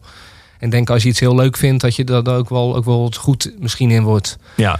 Eh, niet om op te scheppen, helemaal niet. Maar, eh, Nee, weet je wel, maar als je voetballen heel erg leuk vindt. ja. Ja. Weet je wel, als je ergens geen hol aan vindt, dan word je er ook nooit goed in. Nee. Dus, en, en ook andersom. Waar zit de moeilijkheid meestal in? Is een moeilijkheid eh, dat je met lettergrepen niet uitkomt? Of dat je met klank, Ja. dat klanken niet, niet meer kloppen als je ze Nederlands... Ja, eh, ja, ik hou sowieso eh, niet echt rekening met hoe eh, de klank dan eh, in het Engels, eh, hoe dat was of is geweest. Eh, ik ga gewoon mijn hele eigen tekst maken. ja. Maar het is meestal wel dat zeg maar, een soort van gevoel van een lied, dat het dan wel eh, dus overeind blijft, weet je wel. En het is ook gewoon vaak eh, dat het eh, dat op een soort van bestelling is, gewoon van, hè, van een klant of van de wereld door. Die dan dus vragen van je moet daar iets over schrijven. Dat is voor mij heerlijk, weet je wel. Dan heb ik gelijk het gegeven. Als het over een piano moet gaan, ja, weet je wel, dan, dan kies ik vaak dus eh, gewoon het meest voor de hand liggende, de Piano Man van Billy Joel. En niet dat die piano daar dan misschien nog in voorkomt, maar dan heeft het wel, hè, dan heeft het ook gelijk weer die betekenis. ja. Dus ja, dit is me altijd wel aardig afgegaan. Ik vind het ook heel erg, erg- ja, wat ik net zei, ik vind het heel erg leuk om te doen ook. Heel, eh, heel lekker creatief mee in de weer. Maar ik had nooit gedacht dat we ze allemaal op een, eh, op een plaat zouden zetten. Maar dat is ook weer waar ik het net over had. eh, dat je ook als band blijf je bezig, weet je wel. Dat was een heel leuk idee om onze nieuwe theatertour dan... we hadden al die nummers liggen, waren er leuk 30. ja. Ik denk van, nou, dat is toch eigenlijk zonde om daar dan niks meer, meer mee te doen. Laten we dat gewoon in het theater gaan doen. Willen we altijd iets anders doen dan ons eigen repertoire. ja. Dus toen hebben we daar een hele soort van, eh, weet je wel, een hele voorstelling omheen Ja, gebouwd. En toen dachten we van, ja. toen dachten we van, nou, het is misschien ook leuk eh, om daar dan gewoon eh, ook even een plaat van, van uit te brengen. En toen we ons eerste album uit eh, in 2000, eh, nou, dat weet ik niet eens, maar 2011 geloof ik, toen het, hè, toen het uitkwam, had ik me nooit kunnen bedenken dat we ooit zo'n plaat hè, dus zouden gaan maken. Maar we hebben het gewoon gedaan. En het was eigenlijk eh, gewoon als extraatje dat je die plaat op de, weet je- dus als je op de voorstelling was, dat je hem dan dus mee naar huis kon nemen. ja. Maar ja, dan wordt het weer echt uitgebracht door het label. En dan ligt hij ook in de winkel. En dan voor je het weet zijn die liedjes op de radio, weet je wel. Als ze ze draaien natuurlijk. ja. Maar goed, nee. Leuk. Maar dat werkt goed voor jou, dat je met een soort hele concrete opdracht krijgt van we willen graag een nummer hierover. Dat, Ja hoor, ja, ja dat vind ik eh, worden daar, worden daar een soort van al, die worden al kriegelig bij het idee dat Nou. iemand ze vertelt wat ze moeten doen wanneer het af moet. Nee, helemaal niet. Ik wil wel, wel, wel snel iets. weet je, oh, dan waak het dan aan link. En dan ga ik gewoon dan zitten. En eh, nee, dat vind ik juist heerlijk als ik een opdracht heb. Ja. ja. Is, dat vrij, is dat zelfs voor jou prettiger dan in het, in het, in het grote niets? Nou ja, soms, je hebt, soms heb je natuurlijk een heel goed idee in één keer. Weet je wel. Eh dat kan nog zo, eh, heel vaak op de, de gekste, op de gekste momenten kan dat komen. ja. Zijn die momenten ook anders nu? Nu niet meer in een grote stad woont? Of maakt dat niks uit? Eh, ja, ja, ja, je ziet weinig. Hè? Ik bedoel, eh, ik zat vroeger zat ik altijd voor het raam eh, en dan eh, ja, zag ik allerlei dingen gebeuren. Niet dat dat, dat me dan echt eh, dan specifiek op een, weet je wel, maar je zit er toch meer in. Ja. En nu kijk je uit het eh, raam en? Ja, zieke weiland hè. En eh, al autootjes die allemaal langs rijden, die allemaal naar binnen kijken. Omdat ik daar achter dat raam zit natuurlijk ook, eh, weet je wel. Dus ja, goed. Dus nu ben jij de bezienswaardigheid. ja, ja, ja, ja, ja, ik vind het niet erg hoor. Maar goed, het is soms wel eens dat mensen dan... eh, Maar je ziet ook neem ik aan veel meer natuur. Je vogels, eh, andere ja, dieren. ja, geweldig, ja, ja, ja. Maar dat, eh Dat lijkt minder- zoveel met inspiratie. Heeft meer met, dat lijkt eh, minder teksten. eh, dat ja, het meer met een soort van, eh, weet je, weet je, met, ja, met een soort van rust heeft dat te maken. Ja. Ik kan daar wel heel erg lekker gewoon, dat, ik, dat ik gewoon rust. Maar ik schrijf nog steeds teksten natuurlijk voor de, voor de nieuwe plaat. Ja. net. Maar het is weer iets, iets meer, i- weet je, iets meer rock'n'roll is het aan het worden weer, weet je wel, de nieuwe plaat. ja. Die al haast af is trouwens, ook alweer. Zo, Ja, het is wat hè. Ja. Ja. gewoon maar doorgaan. Misschien wel een burn-out nou te denken. goed motto. Ja, goed motto wel. Telstar gaan we naar luisteren. Ja. Waarom, eh, waarom deze? nou, vind ik dat is ook een van eh, mijn favoriete nummers. Het is natuurlijk een uh, bij eerste metaalnummer. Het, eerste, je het eerste Engelse nummer wat, wat in Amerika nummer 1 hit was. nog voor de Beatles. Nou, de producer is natuurlijk eh, dat is een Joe Meek. Hè, die eh, vanuit zijn, eh, zijn flatje in, in Londen ja, gewoon allerlei dingen opnam. En dat niet onverdienstelijk. Ja, eigenlijk met niks. Hij, eh, weet je wel, hij concurreerde met de grote platenmaatschappijen. die ook volgens hem allemaal een soort van duivels waren. En weet je wel, die waren hem af aan het luisteren. Hij was, nog, weet je, wel, was ook nog eens homoseksueel, wat toen non- helemaal niet mocht. En in Engeland was dat eh, toen nog, eh, ja, weet je wel, dan moest je gewoon voor naar, eh, naar, iets wat je in de baai is voor ja. een jaar. Ja, dat was echt verboden. Ja. Ja, ja, ja. En dat werd in 1967 eh, is, dat, is dat afgeschaft in Engeland. Maar toen had hij zichzelf al met een jachtgeweer weet je, allemaal door zijn mond heen geschoten. Maar het is vooral iemand die helemaal niet muzikaal was. Maar die wel precies dan wist wat hij wilde horen. En ik heb nu zelf een studio. eh, en ik heb wel eens geprobeerd om deze sound om dat na te maken. Maar dat is, het, er zit zo'n handtekening in. Die, eh, het is onmogelijk om dat, om, dat na, eh, weet je, om dat na te doen. En dat vind ik er heel bijzonder aan. Dat je ook niet dan precies weet wat het is. Maar, weet je, maar je hoort altijd ja, dat hij achter de knoppen zit. Ja. Zou het helpen als je net zoals bij het werk van Boudewijn de Groot iemand eh, alle partituren laat uitschrijven? Of maakt dat dan echt niks meer uit? Ja, nou, dit zijn, ja, dit zijn ook nog eens eh, nog heel vaak dingen dat je helemaal niet hoort wat er gebeurt. Je hoort een soort van ruis en je hoort allerlei dingen. Zijn allerlei dingen over elkaar heen genomen. En het, werd allemaal, het is allemaal mono. Ja. En ze hadden toen ook niet de mengtafel. Dus hij deed het eh, gewoon eerst de hele basistrek op zijn bandrecorder opnemen. Dat was gewoon mono, één spoor. Weet dat was dan live. Dat ging dan door zo'n mixer heen. Dan zette dat, die dat ding aan. En dan ging de band op een, op een andere bandrecorder er nog een keer overheen. En op een gegeven moment hoorde je alleen maar... En dan gingen ze nog een keer met extra percussie eroverheen. En stampen op vloeren. En eh, ja, dat allemaal in dat flatje. Wat helemaal zat eh, met kranten. Was helemaal dichtgeplakt. Ja, dat is ongelooflijk zoiets. En dan, dat je dan ook nog eens nummer 1 wordt in Amerika. En dat geld wat, wat hij daarmee zou gaan verdienen, dat is ook nooit uitgekeerd. Want eh er was er een of andere Fransman. Weet je, en, die, en die zei van, dit is gewoon plagiaat, dat komt uit een film. En dat heb ik wel eens gehoord, maar dat lijkt er in de verste vette niet op. Maar al dat geld hebben ze dus toen zo achtergehouden bij de, ja, weet je, bij de toenmalige Buma. Eh, of hoe dat daar heet. Eh, en toen weet je, al was hij een maand, voor mij was hij overleden, zelfmoord. Had geen cent meer, niks meer, geen succes meer ook. Eh, en toen werd het geld uitgekeerd. Dus ja, daar heeft hij nooit van kunnen genieten. Alles aan het verhaal is tragisch. Ja, het is drama echt.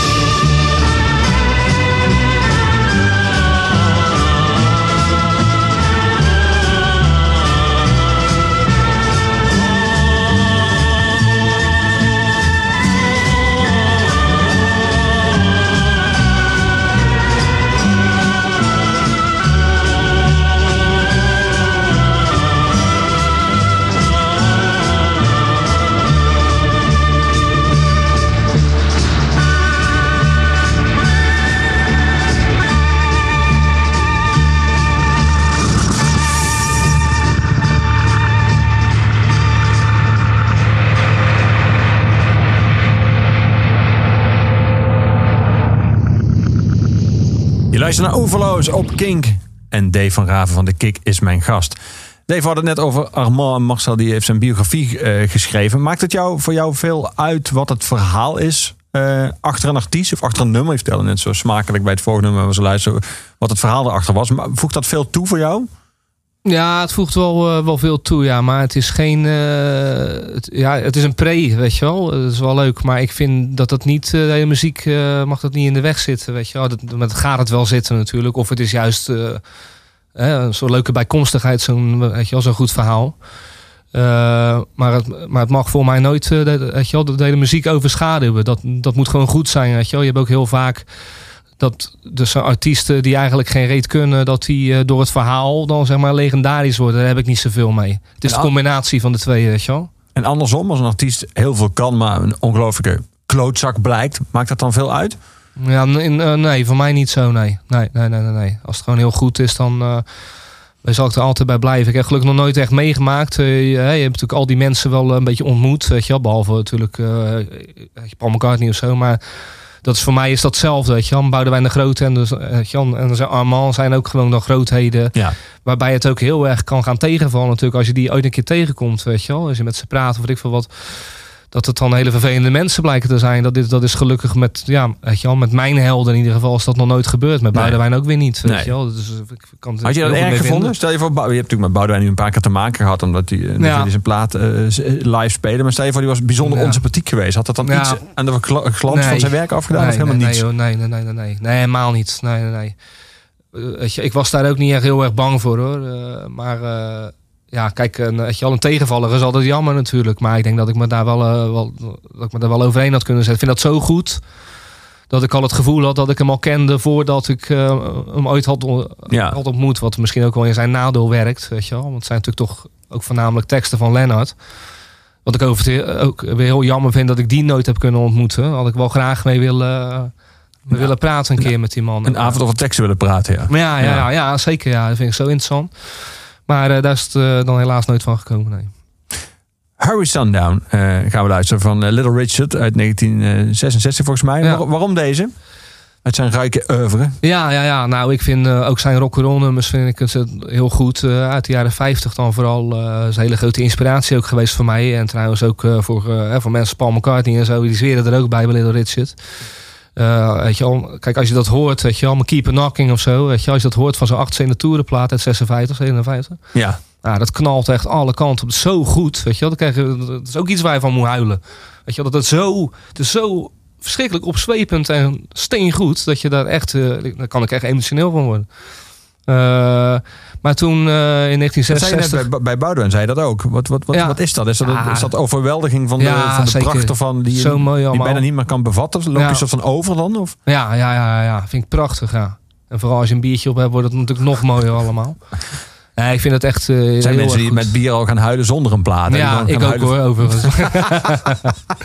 nee, nee, nee, maar als je daar echt in zit en eh, je, hoort het, dan kan ik zo, dan kan ik echt wel emotioneel worden van, van hoe goed het is, weet Ja. je wel, en hoe lekker het is of eh, hoe, eh, ja, hoe prachtig het is. Ehm, maar toen heeft hij dus in eh, 1966 is hij eh, op een ander label overgestapt, heeft hij een hele sessie gedaan daar zo. Eh, ja, en wel veel mensen, dat is, weet je wel, dus hem alleen maar kennen als een, eh, ja, weet je wel, eigenlijk als een schreeuwende rocker, Ja. wat heel goed is. Eh, is hij ook een, eh, echt een hele goede soulzanger, eh, die eigenlijk haast klinkt als een vrouw. Weet wel, hij was ook zo homoseksueel als de Nate natuurlijk, maar eh, echt eh, zo mooi gezongen. Dus ja, dat, vind ik dan wel leuk om te laten horen dat hij ook nog eh, wel iets anders kan dan alleen maar gillen. Ja. ja, we gaan hem luisteren. 1966 van die OK Sessions. Little Richard met Hurry Sundown.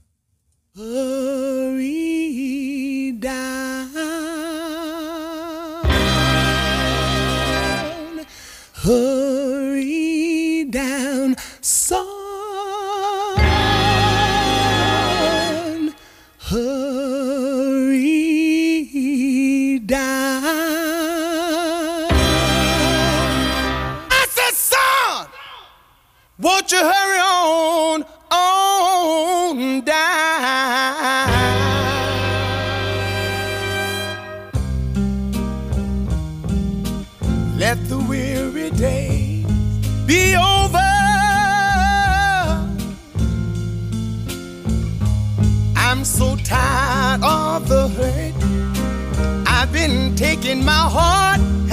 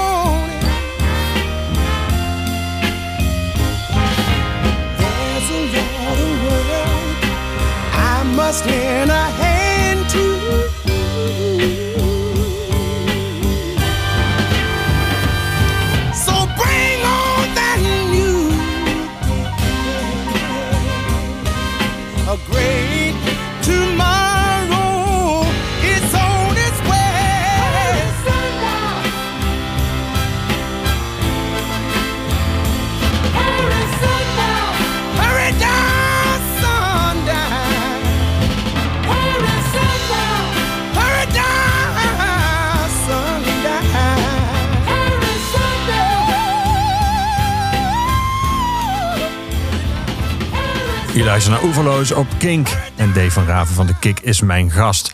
22 en 23 november spelen ze in Ahoy in Rotterdam... met het werk van Boudewijn de Groot. Eh, Dave, hoe bevalt jouw nieuwe, veel gezondere leven? Ik, in een paar Ja. interviews met jou zag ik dat je, dat je een soort van harde besluit had genomen... om gezonder te gaan leven, de sterke drank te laten staan. En? Ja, nou, eh, het is tegenwoordig natuurlijk zo, daar moet ik ook achter komen. Dat, dat alles wat je zegt, dat ook heel veel mensen dat ook echt gewoon gaan horen. Weet je wel? kan ik tegen... Anything you say can and will be used Ja. against you. En je, kijk, je bent natuurlijk gewoon een mens. En ik ging op een gegeven moment ging ik dan ook hardlopen en zo. Dat is ook alweer twee jaar geleden. Maar goed, eh, toen stond er gelijk een hardloopmagazine voor de deur, weet je wel. En die kwamen mij interviewen over hoe mij het hardlopen beviel. En dat vond ik toen nog hartstikke leuk. Maar was een week later dat ik er geen zin meer in, weet je wel. Maar dan sta ik wel op de voorkant van, de, van dat blad. Ja, weet je wel, weet ik veel. Dus dat je, je moet altijd uitkijken wat je zegt. Daar kom ik nou wel achter. Weet je wel. Maar als Ja. je gewoon zegt dat je, dat, je, dat je ook zo in elkaar zit, ja, dan is het niet anders. Is Maar een hele lange inleiding om te zeggen dat je gewoon weer leeft als vroeger? Nee, dat niet. Nee, nee, ik heb wel ook wel echt iets veranderd. Alleen is het, eh, ik ben dan, eh, dan vaak zo dat ik dan, als ik begin, dan doe ik het eh, gewoon helemaal rigoureus. Dan eh, doe ik niks meer. Ga ik hardlopen, geen, eh, weet je wel, geen whisky meer, geen drank. Super gezond eten, afval. Ik was gelijk 12 kilo kwijt, weet je wel. Eh, nou, die zitten er gewoon weer aan. Want ik eh, ben nog steeds gek op een biertje, weet je wel. Daar hou ik echt van. En ik heb nou thuis eigen soort van cafeetje gemaakt, weet je wel. Waar ik dan ook graag eh, ook mag zitten. Omdat er weinig kroegen in de nieuwe plek zijn waar je woont, heb je gewoon zelf een kroeg gebouwd. ja, klopt ja. Ja, ja waar we het dan gewoon als, als, als, weet je, als de mensen over de vloer komen, gaan we daar zitten. Weet je, als we, of- weet je, als we een verjaardag hebben of zo. eh, ja, ik een soort van, eh, ik durf het haast niet te zeggen, maar een soort schuurtje, weet je wel. eh, voor een man eh, toch wel leuk over het Ja. algemeen. Dus nee, maar ik kijk, het is niet meer zo dat het op een hele excessieve manier gaat, weet je wel. Het was op een gegeven moment zo met de kick. Dat ik met een, je wel, met een fles eh, van die Jameson, zat ik tussen mijn benen in de bandbus. Weet je wel, niet achter hoor, maar eh, aan de zijkant. Ja.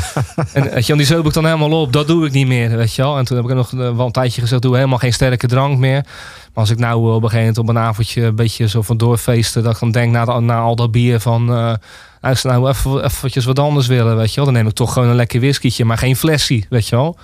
Gewoon één of twee. Dus dat is wel echt, eh, weet je wel, dat is wel echt, eh, dat is wel heel erg veranderd. ja. Maar eh, ja, ik doe wel gewoon weer drinken hoor. Dat, dat weet je wel, vind ik veel te leuk om, dat, om, weet je, om dat te laten staan. Ja, Wat was het uiteindelijk het meest vervelende aan hardlopen doordat je ermee gestopt bent? Ja ik had pijn aan mijn scheenbenen. Dat, weet je wel, dat vond ik kloten. Ik moest stomme schoenen aan, weet je wel. dat vond ik ook niet leuk. Ja. ik had het gewoon alweer gezien, joh. Nu ga ik wel eens wandelen, weet je wel. Het is voor mij, het is gewoon niks voor mij allemaal. Weet je wel, ik vind wandelen heerlijk en gewoon een beetje om me heen kijken. Ik heb ook wel eens gehoord dat dat net zo goed is voor je eigenlijk.